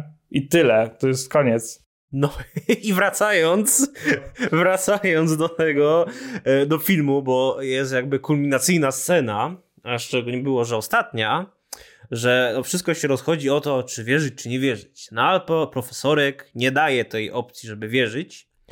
I tutaj dochodzi do pewnej, moim zdaniem, znaczy do ostatniego dowodu, ale to jest trochę jakby się przyjrzeć strasznej sceny, ale o tym za chwilę, bowiem e, bowiem tutaj e, prof, tutaj studenciak mówi, że no profesor, mimo że zna prawdę, prawda, jak mamy tutaj dowody, że nauka potwierdza istnienie Boga, to mimo tego wszystkiego, że są te dowody, to profesor nadal go nienawidzi. I tutaj chodzi oczywiście o, o Boga, nie o studenta, bo też było, czy, czy, czy profesorek nie lubi studenta, czy, czy Boga. No nie lubi Boga. No i profesorek odpowiada, w ogóle rozemocjonowany sposób, bo ta cała dyskusja pomiędzy studenciak a profesor była ba bardzo mocno emocjonalna. student, profesorek mówi, że nienawidzi Boga, to już można się było domyśleć, no dlatego, że zabrał matkę, prawda? No i tutaj studenciak odpowiada e, one-linerem, że jak można nienawidzić czegoś, czego nie ma. To w domyśle ten piąty dowód na istnienie Boga. No i tu dochodzi do absurdalnej sceny, bo nagle wszyscy studenci wstają, zaczynają bić brawo i mówią, że Bóg nie umarł, brawo i jest w ogóle super i że Bóg wygrał, udowodniono, koniec, kropka. Cieszymy się. Zanim Marek ci oddam głos, to dlaczego e, jakby przetnę może tę e, falę śmiechu, to dlatego, że jest to bardzo straszne, że udowodnienie e, rzekome udowodnienie, że Bóg jednak nie umarł, nie jest stworzony na zasadzie, że profesor się zgodził z tezą, że okej, okay, przyznaję ci rację, myliłem się, tylko jest wykorzystana emocjonalna słabość profesora, aby mu udowodnić, że jednak się mylił. Co jakby patrzeć jest trochę straszne. Ale Marek, oddaję ci głos. A potem wszyscy wstali i, I zaczęli, klaskać. No, literalnie tak. Dosłownie, dosłownie y, copy-pasta z tym. No, mem straszny ta scena, jeśli chodzi o to, ale... No, to, to nie jest po prostu dowód żaden, to jest chochoł. Chodzi o to, że film wytworzył narrację, według której ateiści tak naprawdę wiedzą, że Bóg istnieje i go nienawidzą po prostu. Więc wystarczy y, wymusić na nich, żeby się do tego przyznali. I to jest błędne na dwóch poziomach. Po pierwsze, większość ateistów nie nienawidzi Boga, tylko po prostu w niego nie wierzy. To jest koniec. Jakby większość ateistów nie jest tymi, wiesz, takimi militant ateistami, jak ruch nowego ateizmu, że a, rozwalę, zmasakruję chrześcijan prawda, zniszczyć ich wszystkich, religia jest zła, trzeba ją zlikwidować, trzeba i tak dalej, i tak dalej. O, o Jezu, straszne zabobony i tak dalej. No, większość ateistów po prostu nie wierzy i to jest koniec yy, całej, całego problemu yy, i zostawią cię w spokoju, to yy, to nie, większy, Reddit nie jest reprezentatywny, proszę Państwa, niestety. Ale y, drugą rzeczą jest to, że nienawiść wobec Boga wśród ateistów, wśród antyteistów ateistycznych nie udowadnia, że oni wierzą w istnienie Boga, bo oni y, widzą Boga podobnie w sposób, jaki Nietzsche nawiązuje w Bóg umarł.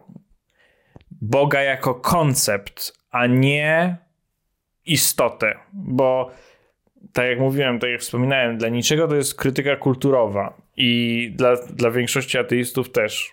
Jakby chodzi o to, że tak samo jak Bóg umarł, nie że fizycznie sobie jakiś, jakaś istota tam gdzieś umarła, tylko koncept Boga jako oczywistości umarł. Tak samo tutaj ateiści w większości nie nienawidzą, jeśli, jeśli nienawidzą Boga, no to nienawidzą go w sposób taki, że nie lubią idei, którą on reprezentuje i systemu etycznego, który on reprezentuje i tak dalej. I, dla, I generalnie to jest dosyć oczywiste, wydaje mi się, dla wielu ludzi, ale z jakiegoś powodu są niektórzy, którzy dalej robią ten argument y, i tutaj nawet film nakręcili, więc to jest dla mnie niesamowite. To prawda, ale żeby nie było, to nie jest koniec pana profesora, bowiem można by się było tutaj zastanawiać, że no film ma taki wydźwięk, że było źle, ale ostatecznie Bóg wygrał, no i teoretycznie powinno do, dokonać się,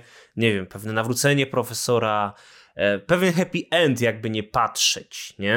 Tak przynajmniej wynika ze struktury filmu i patrząc na jego scenariusz, można by było tak e, gdzieś pomyśleć, no ale ten główny plot, tutaj profesorek po oczywiście przegraniu, nagle się dowiaduje, że gdzieś będzie w tym mieście, w którym oni operują, będzie koncert tam jakiegoś chrześcijańskiego boys bandu.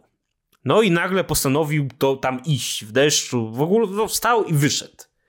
No i nagle się zaczyna padać deszcz, no i przypadkiem jednak profesor, no nie zgadniecie, ktoś go potrącił potrącił go ze skutkiem śmiertelnym. Oczywiście była, e, zanim jeszcze umarł, no to miał pewną świadomość, krótką moment. No akurat przypadkiem e, był tam obok kapłan, który oczywiście mówi o drugiej szansie i tak dalej, czy chce się nawrócić. No i e, profesorek koniec końców się nawraca i umiera. Gdzie to, to też jest ważne, jakby studenciak się o tym nie dowiaduje, bo już wcześniej następuje koniec filmu.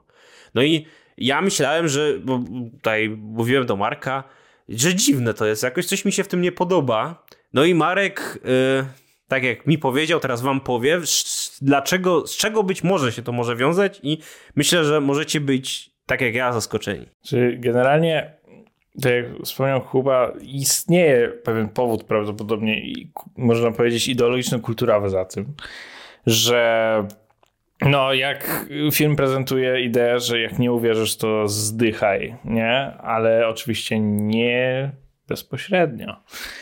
Generalnie to jest bardzo ciekawe, już istnieje to w, w kulturze fundamentalistów chrześcijańskich, szczególnie jeśli chodzi o amerykański fundamentalizm ewangelicki. Istnieje taka dziwna kultura, która przenika właśnie do przemysłu kulturowego, który jest obecny w wielu filmach chrześcijańskich i też jest na przykład taka saga książek jak Left Behind, yy, która też wytwarza taką narrację, w której oczywiście to jest taka chrześcijańska postapokalipsa, bo przychodzi, prawda, dzień osądu, są bardzo graficzne opisy yy, eksterminacji, prawda, grzeszników I to jest częścią, to jest e, częścią bardzo ciekawego motywu w kulturze fundamentalistów ewangelickich i chrześcijańskich i pewien sadyzm, który jest jednocześnie zdystansowany wobec ludzi, którzy go pożądają. Czyli sobie twórcy e, tych dzieł kultury są w stanie przeżyć swoje pewne sadystyczne fantazje dotyczące eksterminacji, brutalnej eksterminacji w jakiś sposób swoich wrogów. Oczywiście to zależy od stopnia, bo wiadomo, potrącony przez samochód, no ktoś może powiedzieć, a to wcale nie jest takie brutalne. No to jest, to występuje w różnych stopniach natężenia, natomiast idea pozostaje taka sama, że wrogowie muszą zginąć w jakiś sposób. No i oczywiście tego nie robi żaden chrześcijanin, ich nie zabija, tylko fantazja E, ta sadystyczna fantaz- fantazja śmierci naszych wrogów ideologicznych, tych niewierzących ateistów i tak dalej, i grzeszników, i homoseksualistów i tak dalej, e, jest zaprezentowana w formie, że to wola Boża oczywiście ich niszczy. Czy to poprzez przypadki, takie jak tutaj mamy rozjeżdżanie przez samochód, czy to poprzez jakąś bezpośrednią interwencję boską, typu jakiś anielski osąd. Ostatecznie jednak zawsze chodzi o tą samą, że mamy fantazję sadystycznego zniszczenia naszych wrogów przy jednoczesnym zdystansowaniu się od tej kary, więc grzech nie jest na nas, bo my przecież nie fantazujemy, że to my ich zabijemy, tak? Tylko no my po prostu ostrzegamy, co się stanie, na pewno. Te graficzne opisy to wcale nic nie sugerują psychologicznie. E, no i tak to się mniej więcej kręci. To jest e, też związane ciekawe w można powiedzieć, to jest też związane w pewien sposób z teodyceą y, i problemem zła, bo dla wielu w tej kulturze ewangelickiej idea, że kiedyś oni wszyscy zginą, ci źli ludzie, jest też w jakiś sposób usprawiedliwieniem, że w ogóle oni istnieją, nie? No oni mogą sobie istnieć, no bo kiedyś będzie ta apokalipsa, no i oni wreszcie zostaną zniszczeni, więc Bóg jest jednak dobry, bo ostatecznie zniszczy to zło. Tylko jeszcze tego nie zrobił, nie? No, więc y, mam nadzieję, albo i nie, że tak jak ja się zaskoczyliście, ale bo to nie jest jeszcze koniec filmu, zanim może do, do tego dojdziemy, to chciałbym jeszcze pomówić, bo tak jak mówiliśmy na początku, bo już trochę mówimy, bo to jest jakby nie, główny plot i trzeba było pewne rzeczy otworzyć, to film zawiera inne pomniejsze ploty, które jakby nie zmieniają wydźwięku filmu, ale jakby mogłoby ich nie być, ale jednak w jakimś po coś je dodano i myślę, że spróbuję jakby w skrócie, bo to są bardzo kró króciutkie rzeczy, to są postacie drugo albo nawet bym powiedział trzecioplanowe, e, gdzieś o nich opowiedzieć i spróbować dociec po co one są. Chociaż niektóre będą bardziej, niektóre mniej oczywiste, więc mamy też pozostały plot, że jest pewna muzułmanka. Jest ona kucharką na kampusie, no i w skrócie e, na kampusie chodzi bez hijabu, ale jak jest jej ojciec, no to, e, no to zakłada ten hijab, on jest ten ojciec bardzo religijny, jest też gdzieś podkreślenie, że on chce dla nich dobrze i dlatego ma e, wierzyć w jakby w ich Boga. No ale tutaj jak się okazuje, jednak ona, no nie zgadniecie, jednak chce zostać chrześcijanką, no co jest niesmak jej ojcu. No i ten ojciec tutaj jest pokazany, że w ogóle zamawia, e, zabrania jej rozmawiać z innymi ludźmi. Nie wiem dlaczego, bo ale znaczy jest powiedziane, bo, bo są innej wiary niż ona, no ale to ona pracuje jako kucharka i ma. No jest to absurdalne. Mam nadzieję, że to słuchać moje pewne zażenowanie i pewną gdzieś zdziwienie, jak, jak o tym się mówi. No ale jest później e, scena, że ona wchodzi do domu, i słucha jakiegoś chrześcijańskiego podcastu. No i przychodzi do domu, zamyka się, no i jest pokazany jej młodszy brat, który nie widzi czemu wchodzi, wprost bierze od niej MP3, wprost patrzy, że ona słucha podcastu jakiegoś religijnego i ona mówi, że masz nie mówić ojcu. On mówi, okej. Okay. No i jak się można spodziewać, ten młodszy e, jakby o tym mówi, ojcu, a ojciec, wielki tutaj, prawda, obrońca wiary, mówi, że tak być nie może. E, dowiaduje się, co, co jej słuchał. Bije. Dwa czy trzy razy uderza po prostu tą muzułmankę i wyrzuca ją z domu. A ta idzie po pomoc do kapłana. No i tutaj jest. No dobra, oddaję to po prostu bez tutaj. E, Marek, co o tym po prostu sądzisz? Oprócz tego, że jest to trochę degustujące.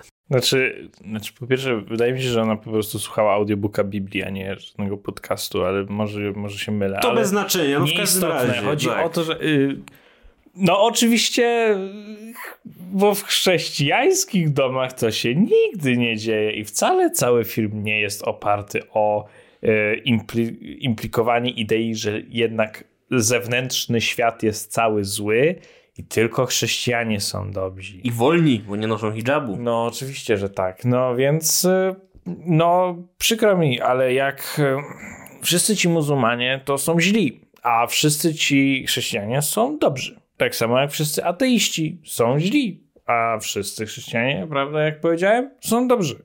I cały, cały film właściwie opiera się mocno na tej retoryce, że po prostu, po prostu jak nie jesteś chrześcijaninem, to jesteś złym człowiekiem, nie? I y, po prostu mamy pełno tych chochołów i to jest po prostu część tego. Bo warto zaznaczyć, że o islamie nie pada właściwie nawet słowo w filmie. Jakby jest powiedziane, że ona nawet musi... Samo słowo islam nie pada po prostu. Jest y, powiedziane, że ona musi nosić, nosić hijab i to jest ten, ale nie, y, film nie wchodzi w dyskusję z islamem dotyczącym tego, dlaczego chrześcijaństwo na przykład jest lepsze y, pod względem jakimś teologicznym, dlaczego mm, warto, dlaczego warto się przekonwertować na chrześcijaństwo, dlaczego islam jest gorszy, czy jakieś niezgody właśnie dotyczące y, przekazów teologicznych. Nie, po prostu mamy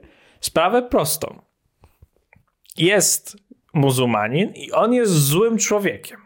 Bo tak. Bo tak. I on jest złym człowiekiem, a wszyscy chrześcijanie są dobrzy. I mamy, mamy, po, prostu, mamy po prostu taką, yy, taki setup, żebyśmy po prostu chcieli, żeby ona przeszła na to chrześcijaństwo, bo mamy się czuć źle, yy, bo ten, yy, bo przecież ci muzułmanie to są tacy źli, bo, bo ona powinna mieć przecież prawo wyboru, wyboru w co wierzy, e, prawda? To jest bardzo ciekawy argument, biorąc pod uwagę, że pod wieloma względami autorzy filmu uważają, że nie, ludzie nie powinni mieć prawa do tego, w co się wierzy. Powinni wierzyć w chrześcijaństwo i koniec, kropka. I oczywiście chrześcijaństwo jak, jakiejś formy protestantyzmu, bo broń Boże, katolicyzm, bo mm, to jest już satanizm praktycznie. E, no, chyba, że używamy katolickich argumentów za Boga, no to wtedy A, no jeszcze jest okej. to- I, I w podobnym tonie jest stworzony argument, mamy pewnego Chińczyka. Też bliżej nieokreślona nazwa, w ogóle nikt tu nie ma imion, przepraszam. No i też z- racji, że ten Chińczyk jest studentem właśnie, który e, jakby uczestniczy w tych zajęciach e, z dowodzenia, że Bóg istnieje, no to jest tutaj implikacja, że oczywiście on się przekonuje, bo jest z Chin, a wiadomo, że w Chinach to tych chrześcijan, to wiecie, się tępi. Dzwoni oczywiście do ojca do Chin i mówi, że tu się mówi o Bogu. Ten ojciec oczywiście no, nie jest za bardzo pocieszony, a widać, że jest jakimś tam bogatym, być może kimś ważnym.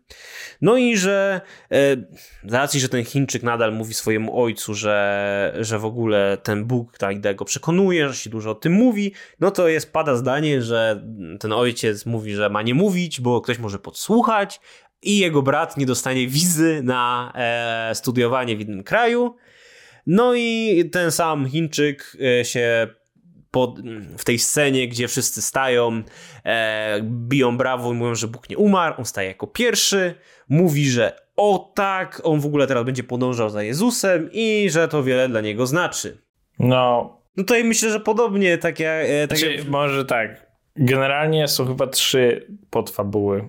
Są cztery. cztery, okej. Jest ta islamska rodzina, w której islamiści są źli, bo muzułmanie są źli, bo zabierają wolność.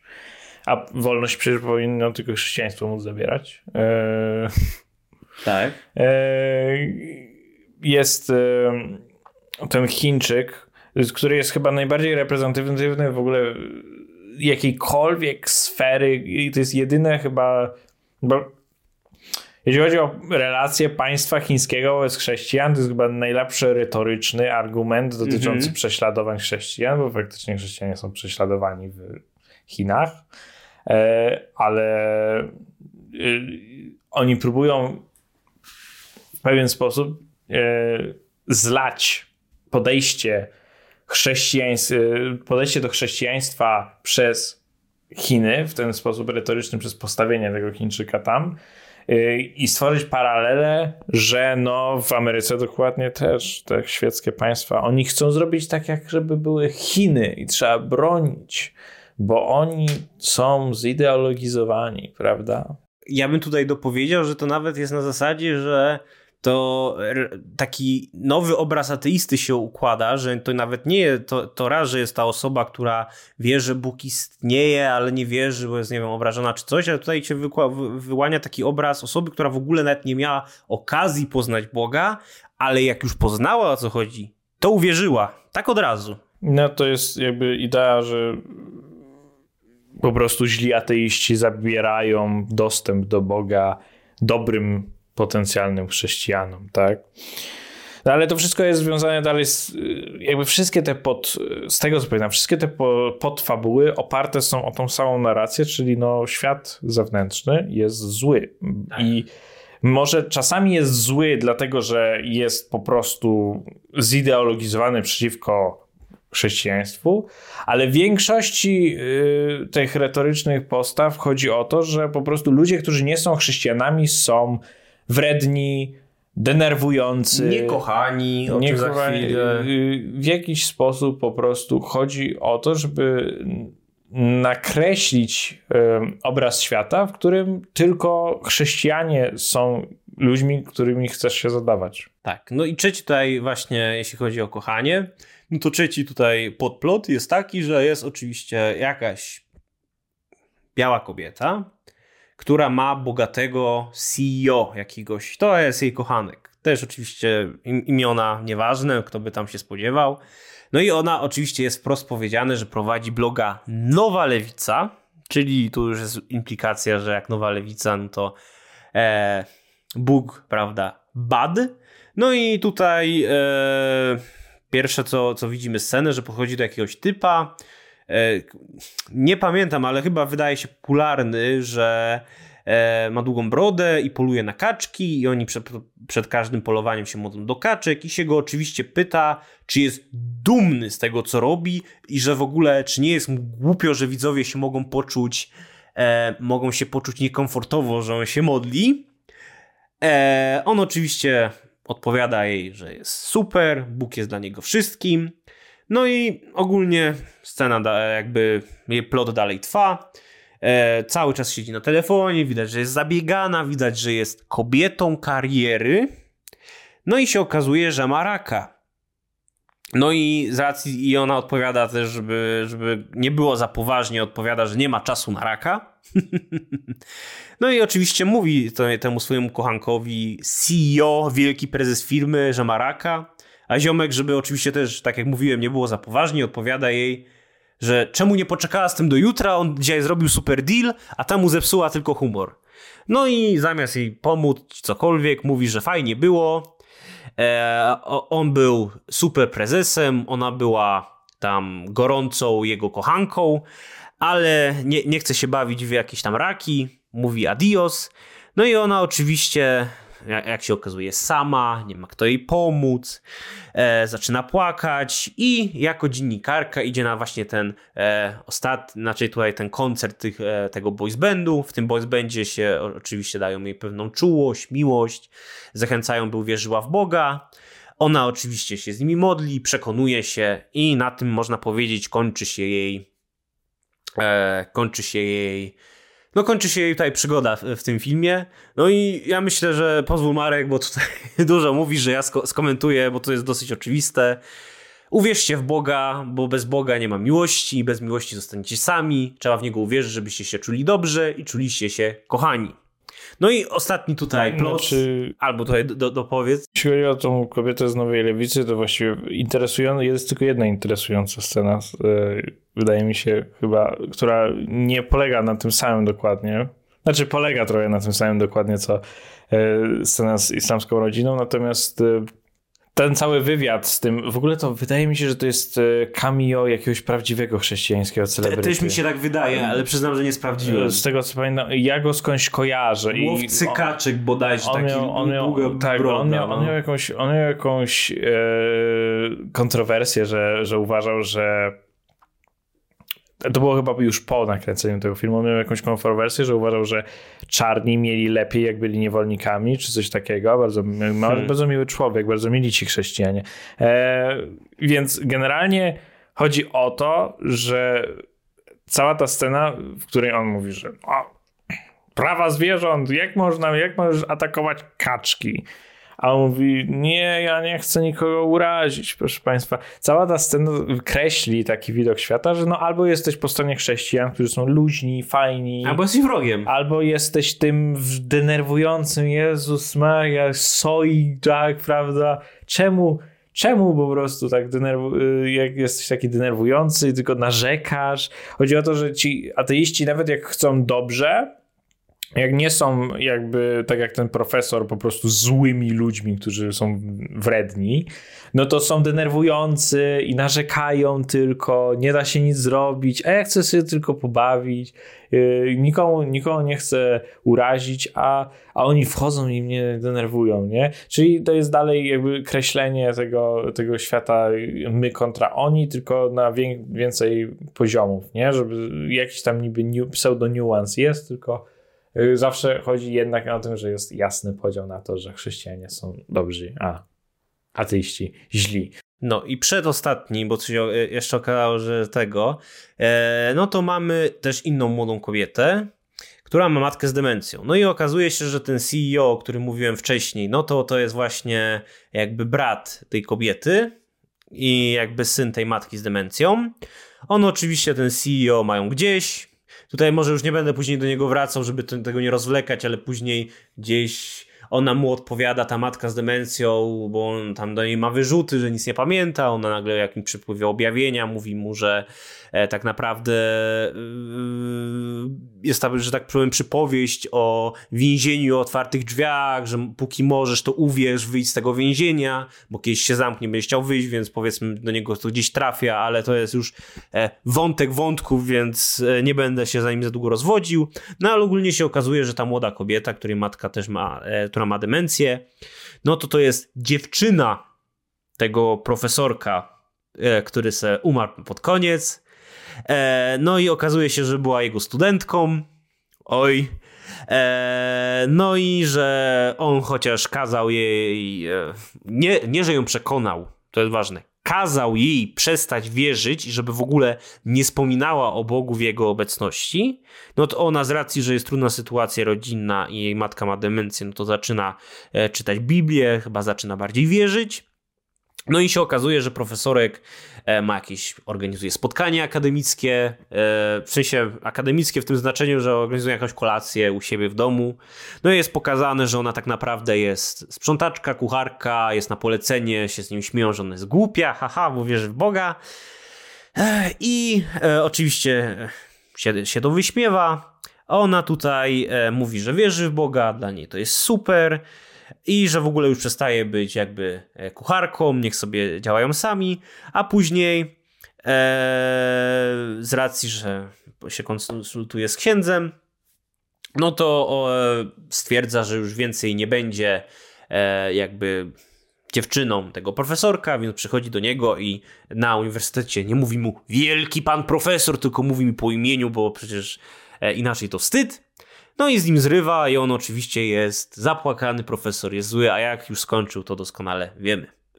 Więc przechodząc może już bez komentarza do ostatniego plotu, no to jest krótki, że tak powiem, po, pozytywny plot, że jest e, ten kapłan, który mówiłem, e, że i ta kobieta się u niego poradziła i główny bohater to jest jakby jedna i ta sama osoba, przychodzi do niego jakiś inny misjonarz, chcą gdzieś jechać, kilka, chyba bodajże trzy razy im się zepsuł samochód, za każdym razem dzwonili po kogoś, e, żeby im dowiózł nowy, on dowiózł ten samochód, za każdym razem się zepsuł, no i tutaj ten plot można podsumować tym, że ksiądz też miał wątpliwości, ale ma misję, musiał uwierzyć. No i tutaj podsumowując, wszystkie te osoby spotkały się, e, są powiązane z tym koncertem, który miał być na, na, na koniec, i można powiedzieć, że wszystko zakończyło się długo i szczęśliwie. Bóg nie umarł, Bóg jest wielki, Bóg jest dobry. Więc Marek tutaj e, ostatni, że tak powiem, chwilę z tym pięknym filmem. Jak ostateczne wrażenia po obejrzeniu tego wspaniałego dzieła, które tutaj omówiliśmy? Hmm. Chciałem powiedzieć, że nie powinni już nigdy więcej robić filmów. A, spokojnie, jeszcze Niestety. są trzy. Trzy! A wiesz, że w tym roku wychodzi piąta część? Naprawdę? Tak. Wow, no to są cztery. No, więc yy, no cóż. Yy, Kuba sobie y, uznał, że bardzo chce omówić wszystkie filmy po kolei, więc oczekujcie następnych odcinków. No jeśli, jeśli wam się spodoba, to jak najbardziej, ale tutaj mi chodzi o twoją już subiektywne wrażenia, bo może y, no... Film jest ekstremalnie infantylny, stawia dwa poważne argumenty teologiczne, które są w jakiś sposób ciekawe, ale w ogóle ich nie eksploruje i właściwie zamiast tego używa tylko jakichś żałosnych apelacji do, autory, do autorytetu i nie wchodzi głęboko w tematykę, za którą się zabiera, a całość argumentacji właściwie opiera się bardziej na retorycznym zaprezentowaniu przeciwników y, jako po prostu złych ludzi, a strony po naszej stronie jako tych dobrych, y, cnotliwych i tak dalej. Jest to dosyć żałosne, ja bym powiedział, i no nie powiedziałbym, że lubię ten film. Y, nie spodziewałem się, że on się pojawia na katechezach, tak jak wspominałem na początku, bo ja go widziałem tylko prywatnie. No i cóż, no jest to po prostu propaganda, dosyć, dosyć tania propaganda, bo warto zaznaczyć, że z tego co ja wiem, wśród chrześcijan innych, którzy widzieli ten film, to oni też bardzo nie lubią tego filmu. Więc jakby to jest raczej dla pewnego, e, pewnej audiencji, pewnej, pewnego tłumu ludzi, którzy są specyficznie fundamentalistyczni mocno i nie potrafią myśleć krytycznie o swojej własnej wierze e, i eksplorować ją w jakiś sposób bardziej e, z jakimś intelektualnym wysiłkiem, nie? Bo chrześcijaństwo i ten, bo idea żeby rozpocząć dialog jakiś poważny poprzez sferę kulturową od strony chrześcijaństwa do ateizmu i rozpocząć dialog na temat istnienia Boga, który istnieje od setek lat w kręgach akademickich czy wśród filozofów i przenieść go na sferę publiczną poprzez wytwory kulturowe jak filmy, to jest bardzo fajna idea, nie? Tylko, no oczywiście wykonanie jest takie, że no jest żenujące i dosyć oczywiście, oczywiste jest to, że film nigdy tak naprawdę nie chciał żadne, żadnego dialogu, tylko chciał zmasakrować ateistów. No, to ja ze swojej e, subiektywnej, mi się zdanie o tym filmie zmieniło, bo jak go oglądałem właśnie na tych zajęciach religii, co właśnie możecie odpowiedzieć też w ko komentarzach, czy to jest tylko moje gdzieś osobiste doświadczenie i tylko mój kapłan pokazywał, pokazywał ten film na katechezie. Ale jak ja go pamiętam właśnie to, co mówiłeś yy, pierwszy raz, to ja miałem bardzo pozytywne gdzieś doświadczenie, bo to wiele rzeczy na to wpływa, nie? nie? Jakby można się utożsamić z tym bohaterem, bo on nie ma imienia, więc można się poczuć jako ten właśnie, który broni. On się mimo wszystko kończy pozytywnie, a przynajmniej tak jak stwierdziliśmy, że przynajmniej wydaje nam się, że on dla no tych chrześcijan się kończy pozytywnie. Ale... Retoryczna, taka retoryczna prezentacja mocno wpływa, szczególnie jak jest się młodszym i nie ma się mocno e, rozwiniętego, rozwiniętej zdolności myślenia krytycznego wśród większości ludzi przynajmniej. Więc jak się patrzy na to, to jest, to jest ja y, bym wobec y, Bóg nie umarł, można powiedzieć, że przeciwniemu, przy, przeciwniemu można postawić jako przykład. Jest, są ateistyczne wersje czegoś takiego. Mm.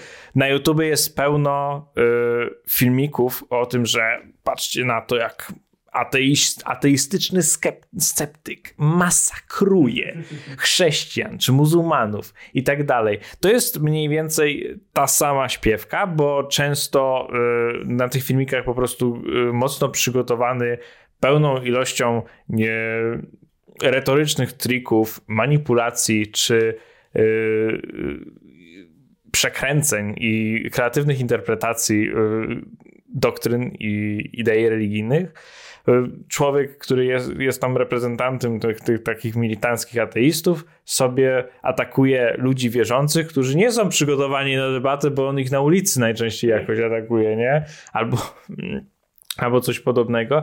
No i y, to też jest taka zabawa w retorykę, tylko z drugiej strony, nie? No i to Bóg, Bóg nie umarł, to jest takie prymitywne po prostu. Yy, chodzi o to, żeby jed, że jeden wygląda lepiej, jak po prostu masakruje. No tak. Znaczy tutaj warto też powiedzieć to, co Marek powiedział i też się z tym zgodzę, bo teraz te drugie spojrzenie powiedzmy na świeżo, no to ja bym nawet gdzieś mógł przyjąć, że okej, okay, robimy e, retoryczną orkę po ateistach, tylko nawet zakładając, że okej, okay, już się gdzieś na to zgadzam, no to mogli naprawdę przestać walić w chochoły, tylko rzeczywiście spróbować do tego podejść tak, żeby ktoś, kto nie ma mentalnie 13-15 lat, oczywiście nie obrażają 13 i 15 latków czy latki, bo te, też byliśmy w tym wieku i wiemy jak to jest, jest różnie, to mógł naprawdę tak podejść bardziej rozsądnie i nie opierać swojego całego argumentu na zaoraniu i na e, dobrej wierze e, po prostu ludzi, którzy to oglądają.